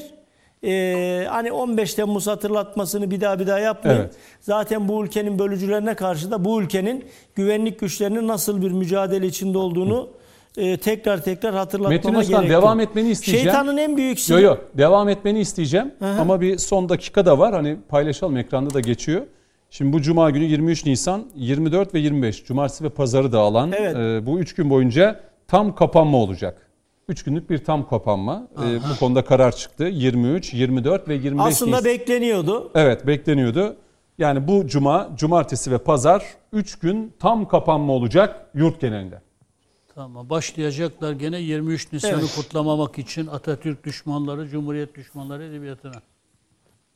Buyurun Metin Özkan. Canan Ee, Kaftancıoğlu. Doğru söylüyorsunuz Ee, Mehmet Bey. Evet. Bunlar Doğru, o- cümleler de sarf edilir ya- büyük En azından ihtimalle, yarından evet. itibaren e, duyacağız ama şimdi ya bu işte de şöyle bir e, sorumsuzluk var ya. Aslında sorumlu insanların sarf etmesi gereken şeyler değil ama e, kapatmıyorsunuz niye kapatmadınız diyorlar. Kapatıyorsunuz niye kapattınız diyorlar. İşte 128 milyar dolar nerede Yani dedim ya şeytanın en büyük silahı yalanıdır diye. E, göle bir maya çalmaya çalışıyorlar. Nasrettin Hoca misali ya tutarsa. E, şimdi bakın e, aşı nerede dediler. Aşı geldi. Bu sefer dediler ki bu aşılar hibeymiş. Aşıya verdiğiniz para nerede dediler. Aynı 128 milyar dolarda olduğu gibi. Aslında dünyanın en zor işi galiba bir insanın suçsuz olduğunu anlatma işidir. Suçsuzsunuzdur ama üstünüze bir iftira atılır. Ya vallahi öyle değil. Ben bunu yapmadım diye yıllarca debelenip durursunuz. Bunun bu taktik FETÖ taktiğidir. Yıllarca bunun en büyük mağdurlarından, en e, önemli mağdurlarından birisi de ben olduğum için söylüyorum. Yıllardır onlara teslim olmadığım, diz çökmediğim, e, her fırsatta da bölünmez bütünlüğümüzden ve Türk milletinden bahsettiğim, Türk milliyetçiliğinden bahsettiğim için bana diz çöktüremeyen o yapının attığı yalanlarda e, ya biz bunu yapmadık demekle ömrümüzün geçmesi gibi. Şimdi e, gerçi Cumhuriyet Halk Partisi'nin emin olun bugünlerde mutfağında yeni yalanlar pişirilmiyor mudur? Mutlaka. Pişiriliyordur. E, o Canan yüzden- Kaftancıoğlu paylaşımını merak ediyorum. e, ne şunu düşündünüz? söyle- Belki hani şimdi böyle 3 gün kapanmama böyle Tam da konu onu dağılmış gibi oldu. Hı hı. Evet, e, tam da onu söyleyeceğim. Şimdi e, ya Aylan Bebek e, yani ben de o zaman soruyorum. Yeni anayasa, merdiven altında yeni anayasa çalıştığınız HDP'ye Bedirhan Bebeği soramayanlar Aylan Bebeği kime soruyorsunuz kardeşim? 6 aylık Bedirhan Bebeği sizin o ittifak yaptığınız, yeni anayasa yaptığınız, bölücü anayasaya imza attığınız ve her fırsatta arkasında durduğunuz, bölücülükle, terörle ilişkisi olduğu için yerine kayyum atanan belediyelerin önüne gidip hüngür hüngür ağlayıp dizinizi dövdüğünüz 15 Temmuz tiyatrodur ama kayyumların atanması darbedir diye saçınızı, saçınızı başınızı yolduğunuz o terör sevicisi HDP'lilere dönüp Bedirhan Bebeği sordunuz mu Bedirhan Bebeği? Aylan Bebeği kime soruyorsunuz? Yunanistan bakın 3 gün önce ya. Mültecilerin üstüne benzin döküp yakmaya kalkıyor. Ya. Türkiye mi yakıyor? Türkiye mi kovuyor? Türkiye mi bunları sınır dışı ediyor? Hepimiz masamıza Suriyeli misafirler için, göçmenler için bakın içlerinden bir sürü çürük çıktı. Bir sürü yanlış yapan çıktı. Bir sürü hatalı insan çıktı. Ama soframıza bir tabakta biz koyduk. Misafirdir diye. Başımızın üstünde yeri vardır diye. Onlara soframızı açtık, evimizi açtık, topraklarımızı açtık. Bedirhan bebeği biz mi boğduk? Biz mi öldürdük? Yunanistan'dan hesap sorma. Almanya'dan, Fransa'dan, İngiltere'den, Amerika'dan, Rusya'dan hesap sorma. Dön 128 milyarın hesabını sorarken Bedirhan bebeğin hesabını bizden sor. Kaldı ki 128 milyar dolar nerede? Ben sordum Cumhuriyet Halk Partili arkadaşlara. Siz biliyor musunuz nerede? E onun cevabını siz bulun diyor. Bu ne, ne demek biliyor musunuz? Ya biz size bir şey attık. Cevap versen de vermesen de. Sen debelen dur orada. Ya arkadaş yok böyle bir şeyi anlatmaya çalışıyor Türkiye günlerdir. Yani aklı mantığı olan insanlar, biraz okuma yazması olanlar, ya evet bu anlatılanlardan sonra ben ikna oldum diyen önemli bir kitle var. Ama hala körü körüne sırf buradan Cumhur İttifakı düşmanlığı, Recep Tayyip Erdoğan karşıtlığı yapmak için bu soruyu sormaya devam edenler var. O yüzden Canan Hanım'a soruyorum. 23 Nisan eleştirecektir şimdiden. Kusura bakmasın ama 23 Nisan günü bana 24 Nisan hatırlatması yapan tweet'e atan Canan Kaftancıoğlu o gün nasıl çuvallamışsa Bedirhan Bebek ya da Aylan Bebek konusunda da aynen öylesine çuvallamıştır. Kimsenin bu ülkede Atatürk'ün arkasına saklanıp ne 23 Nisan'ın ne 19 Mayıs'ın ne de Cumhuriyet bayramlarının hesabını Cumhur İttifakı'na sormaya kalkmasın. Dönecek içinde bir kez daha hatırlatıyorum programın başında söyledim. Cumhuriyet düşmanlığı yapan Atatürk'e kefere diyen insanlardan soracak. Siz onlardan hesap soramadığınız sürece ne milli bayramların ne dini bayramların hesabını hiç kimse kalkıp da Cumhur İttifakı'ndan sormaya kalkmasın Cüneyt Bey. Peki. 24 Nisan da yaklaşıyor iyi hatırlattı Metin Özkan. Sayın Kaftancıoğlu ac- acaba geçmiş dönemde attığı tweetlere benzer samimiyetle acaba yine bir tweet atar mı? Canan Kaftancıoğlu konusu. Yani herhalde bir, yani şunu anlıyorum ben. Kaftancıoğlu sanki CHP'de koltuğu en sağlam kişi. Ya muhtemeldir ama e, şimdi o, o fotoğrafa bakan insan ne düşünür? Bir, bu Aylan bebek kimdir? Suriyeli bir Kürt kızı, Kürt bebeği. Peki bu Suriyeli Kürt anne babanın evladı kimden kaçtı? Esed'den. Esed zaliminden kaçtı. Canan Kaftancıoğlu Esed'i nasıl tanımlıyor? Ülkesinin seçilmiş meşru cumhurbaşkanı. Hatta barışsever. Hatta Aylan bebeğin babasını da Esed'e karşı direndiği için terörist ilan ediyor. Yani çünkü Es- Esed meşru bir cumhurbaşkanı. Onun otoritesine karşı baş kaldıran teröristler var. Dolayısıyla Esed'in yapıp ettiği terörle mücadeledir. Böyle düşünen bir CHP, böyle düşünen bir Canan Kaftancıoğlu mantığı var. Şimdi bu mantık Aylan bebeği nasıl savunur? Kime karşı savunması lazım eğer gerçekten Aylan bebeğin o pak cesedinden yanaysa kime karşı olması lazım? Esed diktatörüne karşı olması lazım. Şimdi Melik kardeşim dedi ya yani ahlak bunun hiçbir yerinde yok yani. Bu fikir değil, bu siyaset değil, bu ahlak değil yani. Şimdi sen Türkiye Cumhuriyeti Devleti'nin seçilmiş cumhurbaşkanına diktatör diyeceksin. Onu gayrimeşru ilan edeceksin. Her hal ve şartta devrilmesi gereken bir diktatör diye suçlayacaksın. Ama o aylan bebeklere de sahip çıkan bir e, seçilmiş başkan. Milyonla, bin, yüz binlercesine sahip çıkan, ekmeğini üleştiren bir cumhurbaşkanı. Öbür tarafta da aylan bebeklere bu akibeti reva gören bir diktatörün yanında saf bağlayacaksınız. Esed'in ağzıyla da e, kendi ülkenize düşmanlık yapacaksınız. Aynı Sorumlu şekilde Erdoğan diye yazıyor ya bir de. Yani aynı şekilde. Yunanistan için bir tek laf etmeyeceksiniz. O aylan bebek gibi nicelerine kapılarını kapatan, oraya sığınmak isteyenlere karşı acımasız zulümler, e, ölümler reva gören Görüntüleri izletiyoruz. Melik Bey de söyledi. Benzin döktüler e, Metin Tabii. Özkan. Botlarını delip batırıyorlar ya. Yani Avrupa Birliği Ölün. sınırlarını Ölün yani. açmıyor. Ama Canan Hanım'ın umurunda değil. Hani sen solcuydun, sosyalistin Canan Hanım. Bu Avrupa severlik, bu Amerika severlik nereden geliyor? Siz mesela solculukta mangalda kül bırakmayan Kaftancıoğlu'nun ve arkadaşlarının ve CHP Genel Başkanı da dahil Kılıçdaroğlu CHP'sinin Amerika'ya bir tek laf ettiğini duydunuz mu ya? Suriye'nin kuzeyinde bir terör devleti oluşturulmak isteniyor. Ama ne diyorlar?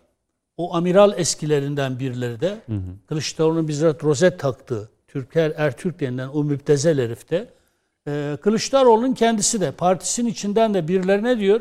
Suriye'nin kuzeyinde diyor radikal dinci örgütler komşumuz olacağına Seküler. laik seküler karakteri dolayısıyla PKK'nın işte YPG'nin, PYD'nin komşumuz olması bin kat daha iyidir diyor. Biz onu onu tercih ederiz. Şimdi bu ihanettir. Bu ihanettir. Canan Kaftancıoğlu'nun solculuğu kağıt üstünde bir solculuktur. Yani e, öyle anti-emperyalizm, Amerikan Canan Hanım doktor da aynı zamanda değil mi? e, Doktor- bilmiyorum, bilmiyorum. Doktordu değil mi Melik Yiğiter? Metin Özkan. Doktor. Ya bir, hem de bir doktor Tıp- olarak tıp böyle bir doktoru. bebekle Doktor. başka bir konuyu, alakasız bir konuyu yan yana getirmek Yani hiçbir vicdana, hiçbir ahlaka sığmaz. yani. Ee, 128 milyar dolar nerede olduğunu kendileri de çıkıp açıklarlarsa çok çok seviniriz yani. Gerçekten biz de çok merak ediyoruz. Hadi bizim cevaplarımızdan memnuniyet duymuyorlar. inandırıcı olamıyoruz. Bence bu saatten sonra onlara tek tek kalem kalem anlatmaya da gerek yok.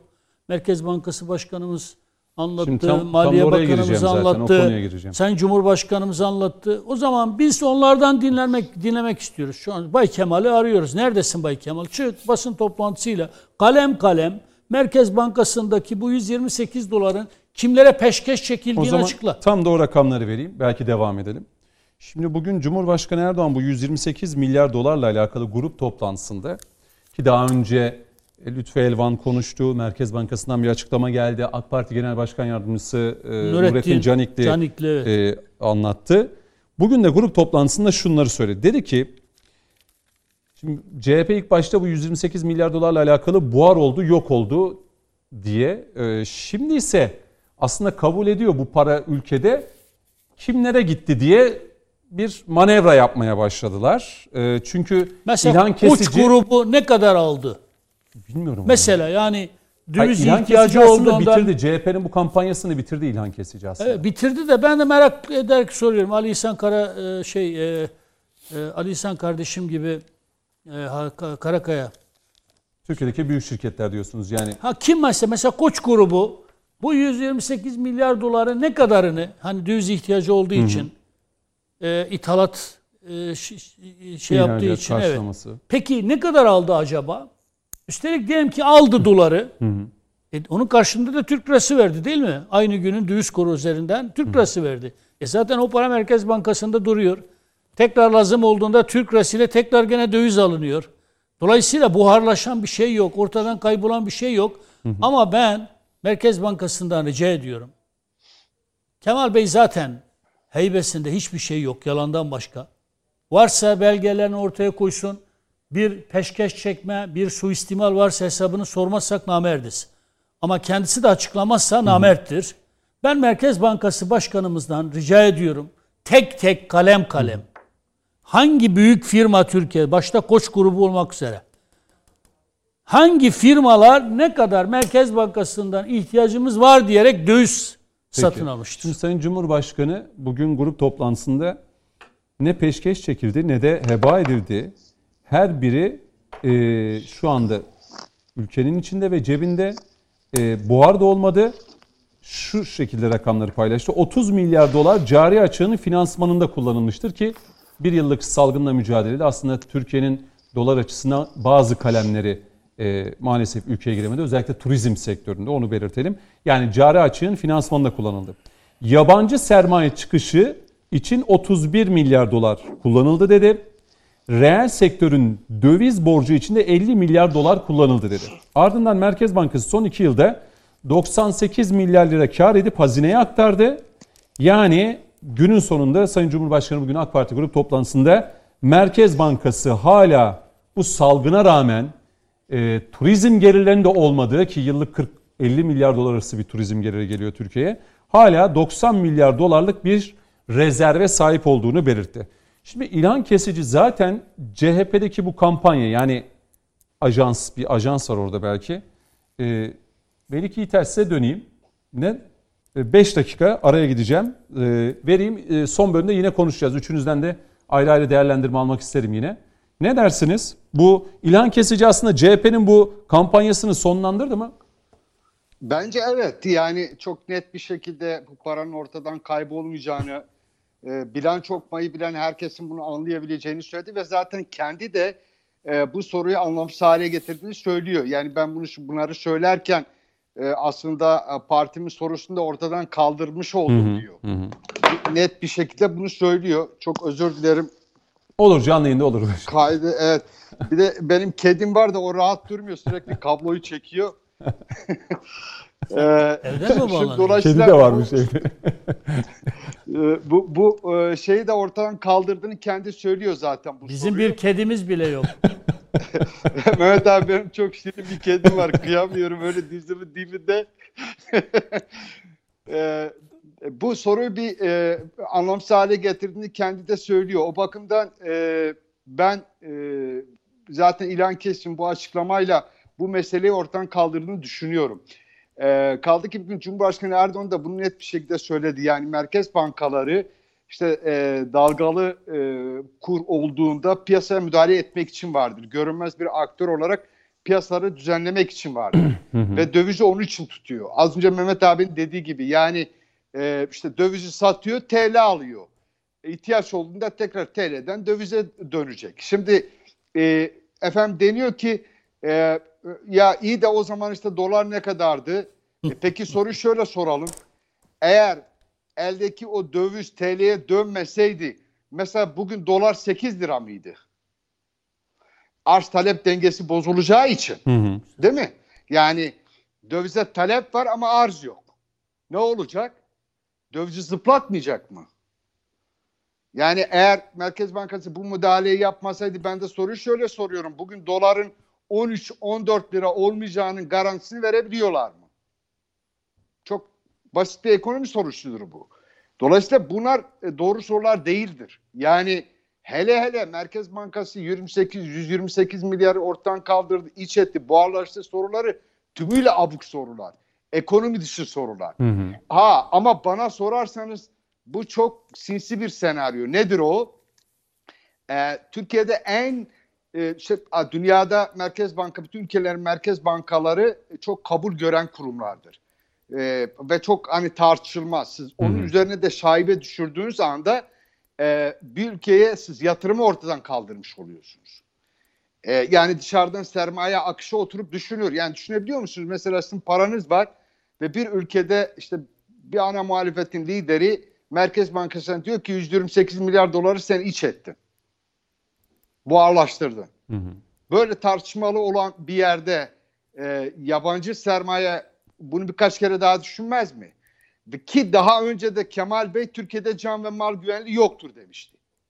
Bir de üstüne bunu koyun. Hı hı. Dolayısıyla bu tümüyle bir algı operasyonu ve ekonomiye hedef alan tehlikeli bir operasyon.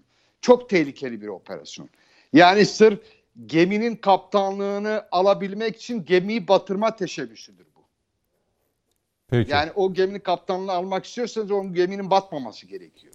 o zaman bir araya O- gidelim. Ara- O araya... gemiyi delerek onun kaptanlığını sürdüremezsiniz. Peki. Bir araya gidelim. Dönüşte Metin Özkan'a soracağım. Çünkü mesela Barış arkadaş dün Engin Altay'ın da olduğu programda şunu söyledi. Sayın Altay dedi bu dedi kampanya tuttu diyor.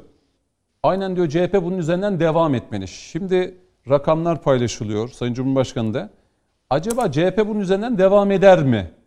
Ee, bu sorunun yanıtını e, vermenizi isteyeceğim belki bu konuda. Bir araya gidelim dönüşte sizde başlayacağım.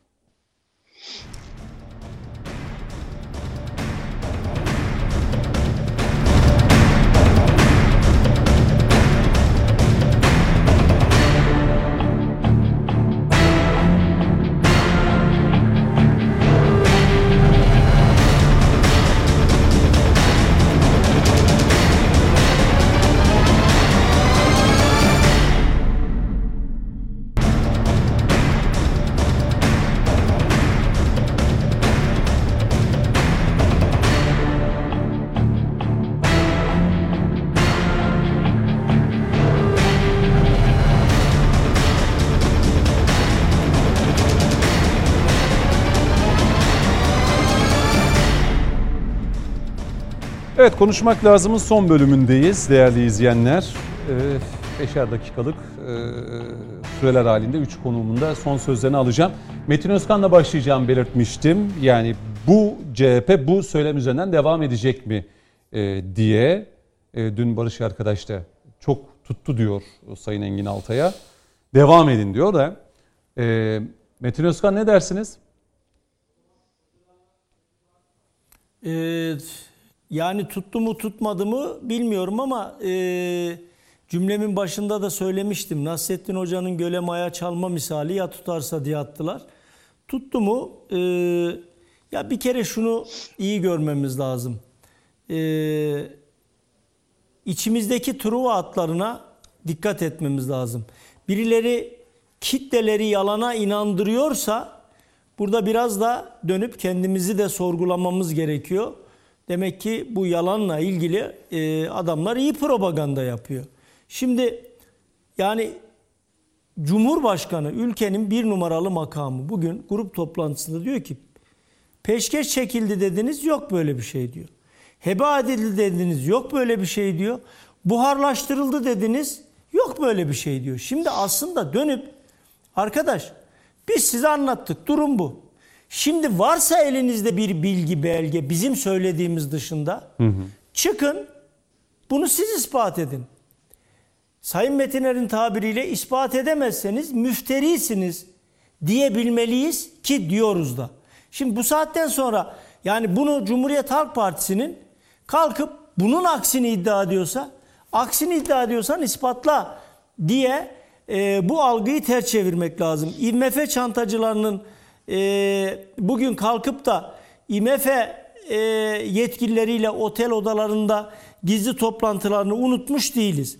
Şimdi ben geçtiğimiz günlerde bir televizyon programında yine hatırlatmıştım. Bugün bir kez daha hatırlatmayı borç biliyorum. Ee, CIA ve e, FETÖ ajanı Enver Altaylı'nın e, hüküm giydiği iddianamede 3 ana başlık vardı. Bu Enver Altaylı diyor ki halkı sokağa dökmemiz lazım diyor. Bu Millet İttifakı içindeki partilere. Bunun için halkın cebine dokunmamız lazım diyor. İkinci madde. Üç, ekonomik kriz için Almanya'da bir çalışma var. Türkiye'ye gelecek. Katar dahil, o dönemde Suudi Arabistan dahil paraların önünü kesmemiz lazım. Ve ekonomik kriz var gibi bir algı yaratmamız lazım diyor. Şimdi bakın Enver Altaylı'nın söylemleri bugünkü geldiğimiz nokta çok da içinden çıkamayacağımız farklı bir şey değil. O sebepten şeytanın en büyük silahı yalandır derken aslında bunu söyledim. Ama birileri proje ise e, hatırlayın e, gazeteci arkadaşımız Sa- Şaban Sevinç Halk TV'nin genel müdürlüğünden alındıktan sonra e, Cumhuriyet Halk Partisi'nin o dönemdeki genel başkan yardımcısı Tuncay Özkan'la bir televizyon programında benim de olduğum bir televizyon programında bir tartışmaya girmişlerdi. Ee, Şaban Sevinç şöyle bir iddiada bulundu. Ben Tuncay Özkan'la odasında ziyaret ettiğimde bana şunu söyledi. Cumhuriyet Halk Partisi'nin bütün plan ve programları dışarıdan yönetiliyor. Dışarıdan bir güç bize program gönderiyor. Biz de onu uyguluyoruz. Bunun üzerine televizyonda bir tartışma çıktı. Ee, ve bu iddia ortaya getirdiği için de Şaban Sevinç o günlerde linç edilmişti.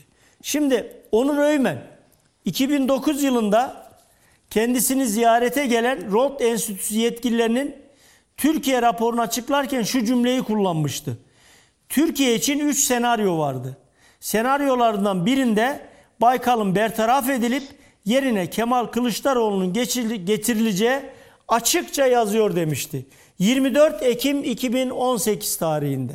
Şimdi bu isim Altan Öymen e, Cumhuriyet Halk Partisi'nde e, şey pardon Onur Öymen Cumhuriyet Halk Partisi'nde genel başkan yardımcılığı yapmış ve Cumhuriyet Halk Partisi'nin diplomasiyle ilgili e, ve dış politika ile ilgili bütün konularında da uzman bir isimdir.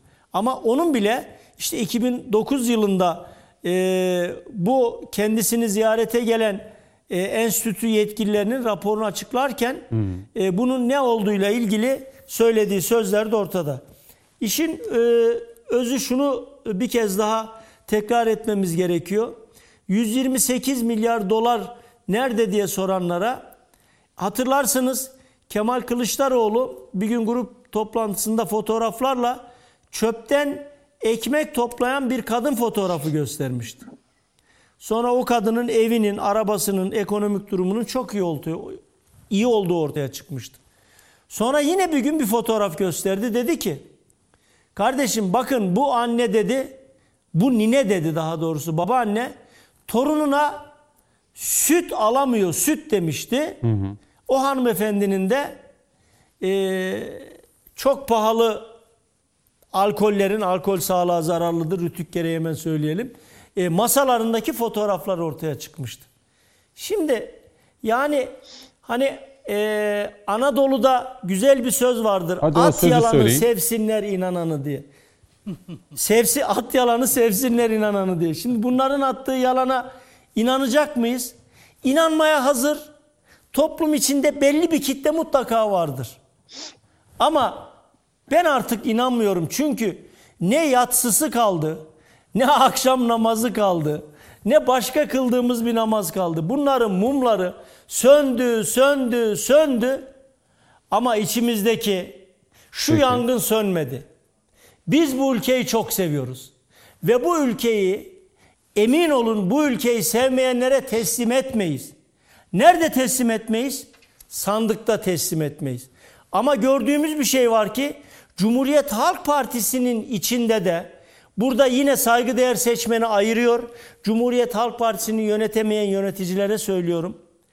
Cumhuriyet Halk Partisi'ni yönetemeyen bazı yöneticilerin içinde de ne Atatürk düşmanlığı yangınları söndü, ne 24 Nisan heveslilerinin yangınları söndü ne de bu ülkeyi Peki. bölmek için bölücü anayasa yapan HDP ile PKK sözcüleriyle aynı masada oturanların içindeki yangın söndü Cüneyt Bey. Şimdi Metin Özkan'ı dinleyince Muharrem İnce aklıma geldi. Yani ne alaka diyebilirsiniz ama Muharrem İnce şunu söylemişti. CHP artık yalan ve iftiranın merkezidir demişti e, Melik Yiğitel. Aynen.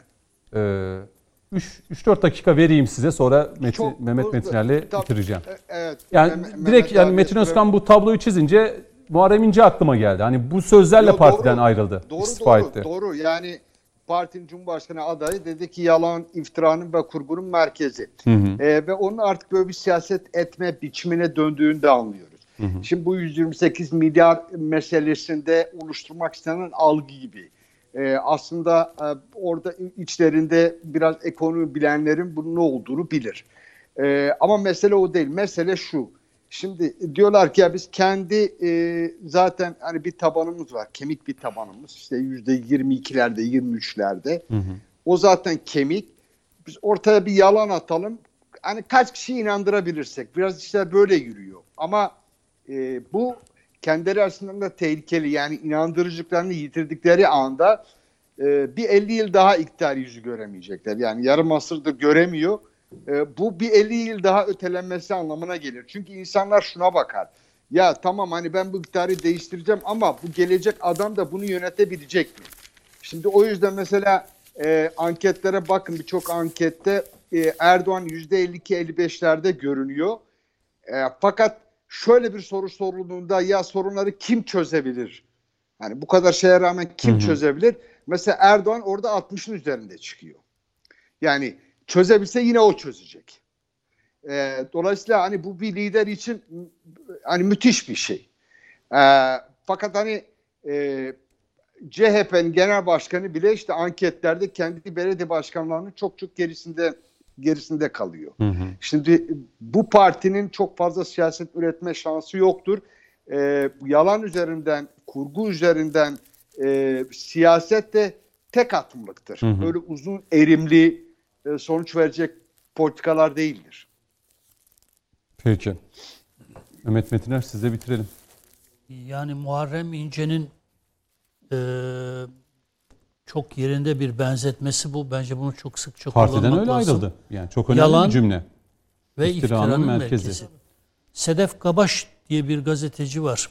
Yıllar yılı da tarafsız gazeteci, televizyoncu diye bize pazarladılar. Geçmiş dönemlerde bir şekilde benim de hukukum olduğu için çok ağır sözler söylemeyeceğim. Aslında her türlü e, ağır sözleri hak eden bir insan ama geçmişin hatırına gene de nezaketimizi bozmadan kendisine cevap verelim. Cumhuriyet Halk Partililerini eğitirken tabii Göbels, Hitler'in propaganda bakanı Göbels'in mantığıyla e, bugünkü CHP siyasetini şekillendiren bir anlayışı önümüze koyuyor. Göbels ne demişti? Çok büyük bir yalan ortaya atın ama bu yalan basitçe söylensin. Mesela 128 milyar dolar nerede? Çok basit bir soru. Büyük bir yalan olsun ama basitçe söylenmiş. Yani vulgarize edilmiş. Herkesin anlayabileceği şekilde bunu salın diyor bu yalanı ve sürekli de tekrarlayın. CHP'nin yaptığı şey bu. Ama geçen Mahmut Öğür kardeşim de beraber olduğumuz programda değindiler. Ben de zaman zaman bu konuyu işliyorum. Şimdiki dönem artık Göbels döneminden biraz daha farklılaştı. Sürekli hep aynı yalanları tekrar etmenin inandırıcı olamayacağını gördükleri için bir doğru söylüyorlar, yanına da 10 tane yalan koyuyorlar. Sonra bu yalandan da daha büyük bir yalan çıkartıyorlar. Ama işlerinde bir tane doğru da mutlaka bulunuyor yani. Çünkü itiraz ettiğinizde diyor ki bak ben burada da bunu söyledim, bu doğruyu da söyledim.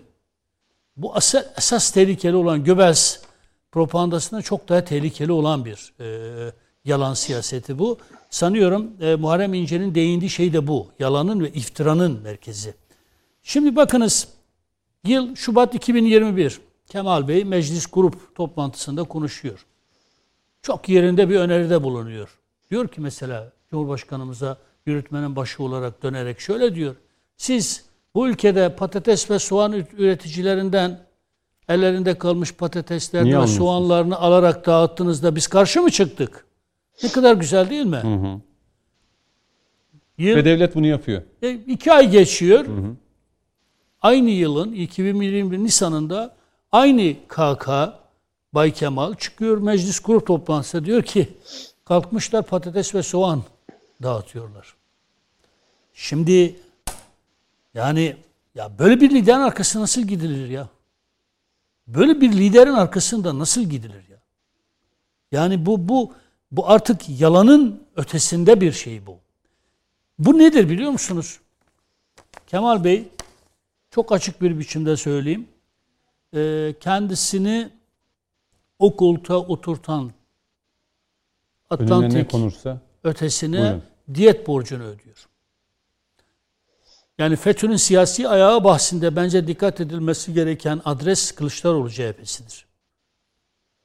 FETÖ derken kastettiğim sadece Pensilvanya'daki o deccaldan ibaret bir yapı değildir. Biz şemsiye örgütten bahsediyoruz. FETÖ. Amerika'nın Türkiye'ye karşı kullandığı, içinde pek çok konsorsiyumun da olduğu bir e, üst şemsiyeden bahsediyoruz. İçinde Atatürkçüler de var. İşte o amiral eskilerinin kendilerine Atatürkçü e, dedikleri gibi Atatürkçüler de var.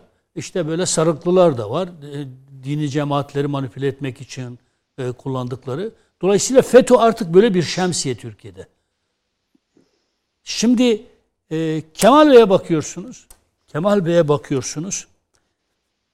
Bu FETÖ marifetiyle üretilen ne kadar yalan varsa, Hemen sahipleniyor ve ne kadar e, şey varsa, e, Argüman. argüman. varsa hepsini kullanıyor.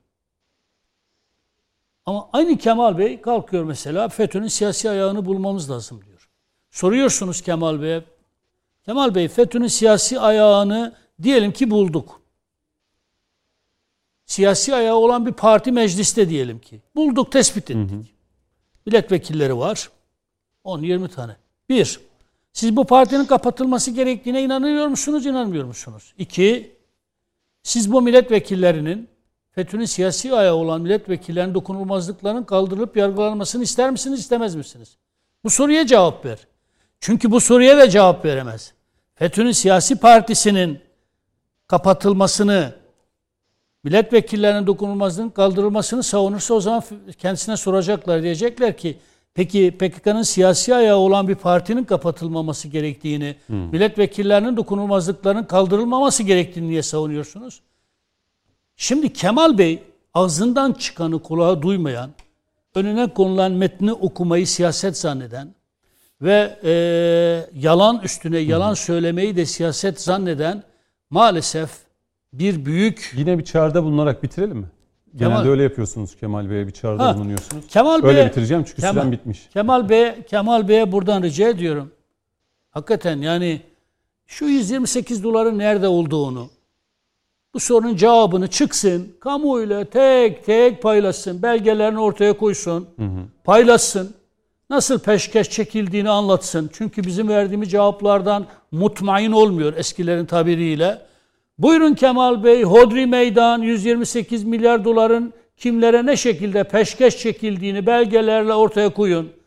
Eğer sizin yanınızda saf tutmazsak, peşkeş çekilme varsa, başka bir yolsuzluk varsa, gereğini birlikte yapmazsak namerdiz. Ama bu çağrımızdan sonra da gene hiçbir şekilde belge, bilgi ortaya koymadan 128 milyar dolar nerede diye sorarsanız size namertlik sıfatını bile yakıştırmakta e, beis görürüz. Peki. Onu bile hak etmezsiniz yani. Yine çağrıda bulunduk. Ee, bitiriyoruz. Melik Yiğiter çok teşekkür ediyorum. İyi Ramazanlar Ben diliyorum. teşekkür Şimdiden ediyorum. Sağ olun, var Hayırlı olun. savurlar diliyorum. Ee, Allah'a Sağ emanet hayırlı savurlar. Metin Özkan çok teşekkür olun. ederim. Sağ olun. Ankara'dan katıldınız. Renkte kattınız. Size de teşekkür ederim. şimdiden hayırlı savurlar diliyorum. Mehmet Metin'e teşekkür ediyorum. Ben teşekkür ederim. Efendim sizler de ekran başında bizleri takip ettiniz. Teşekkür ederiz. Programın tekrarı bu gece olacak. Onu da belirtmiş olalım. Efendim şimdiden güzel bir gece ve hayırlı savurlar olsun. Hoşçakalın.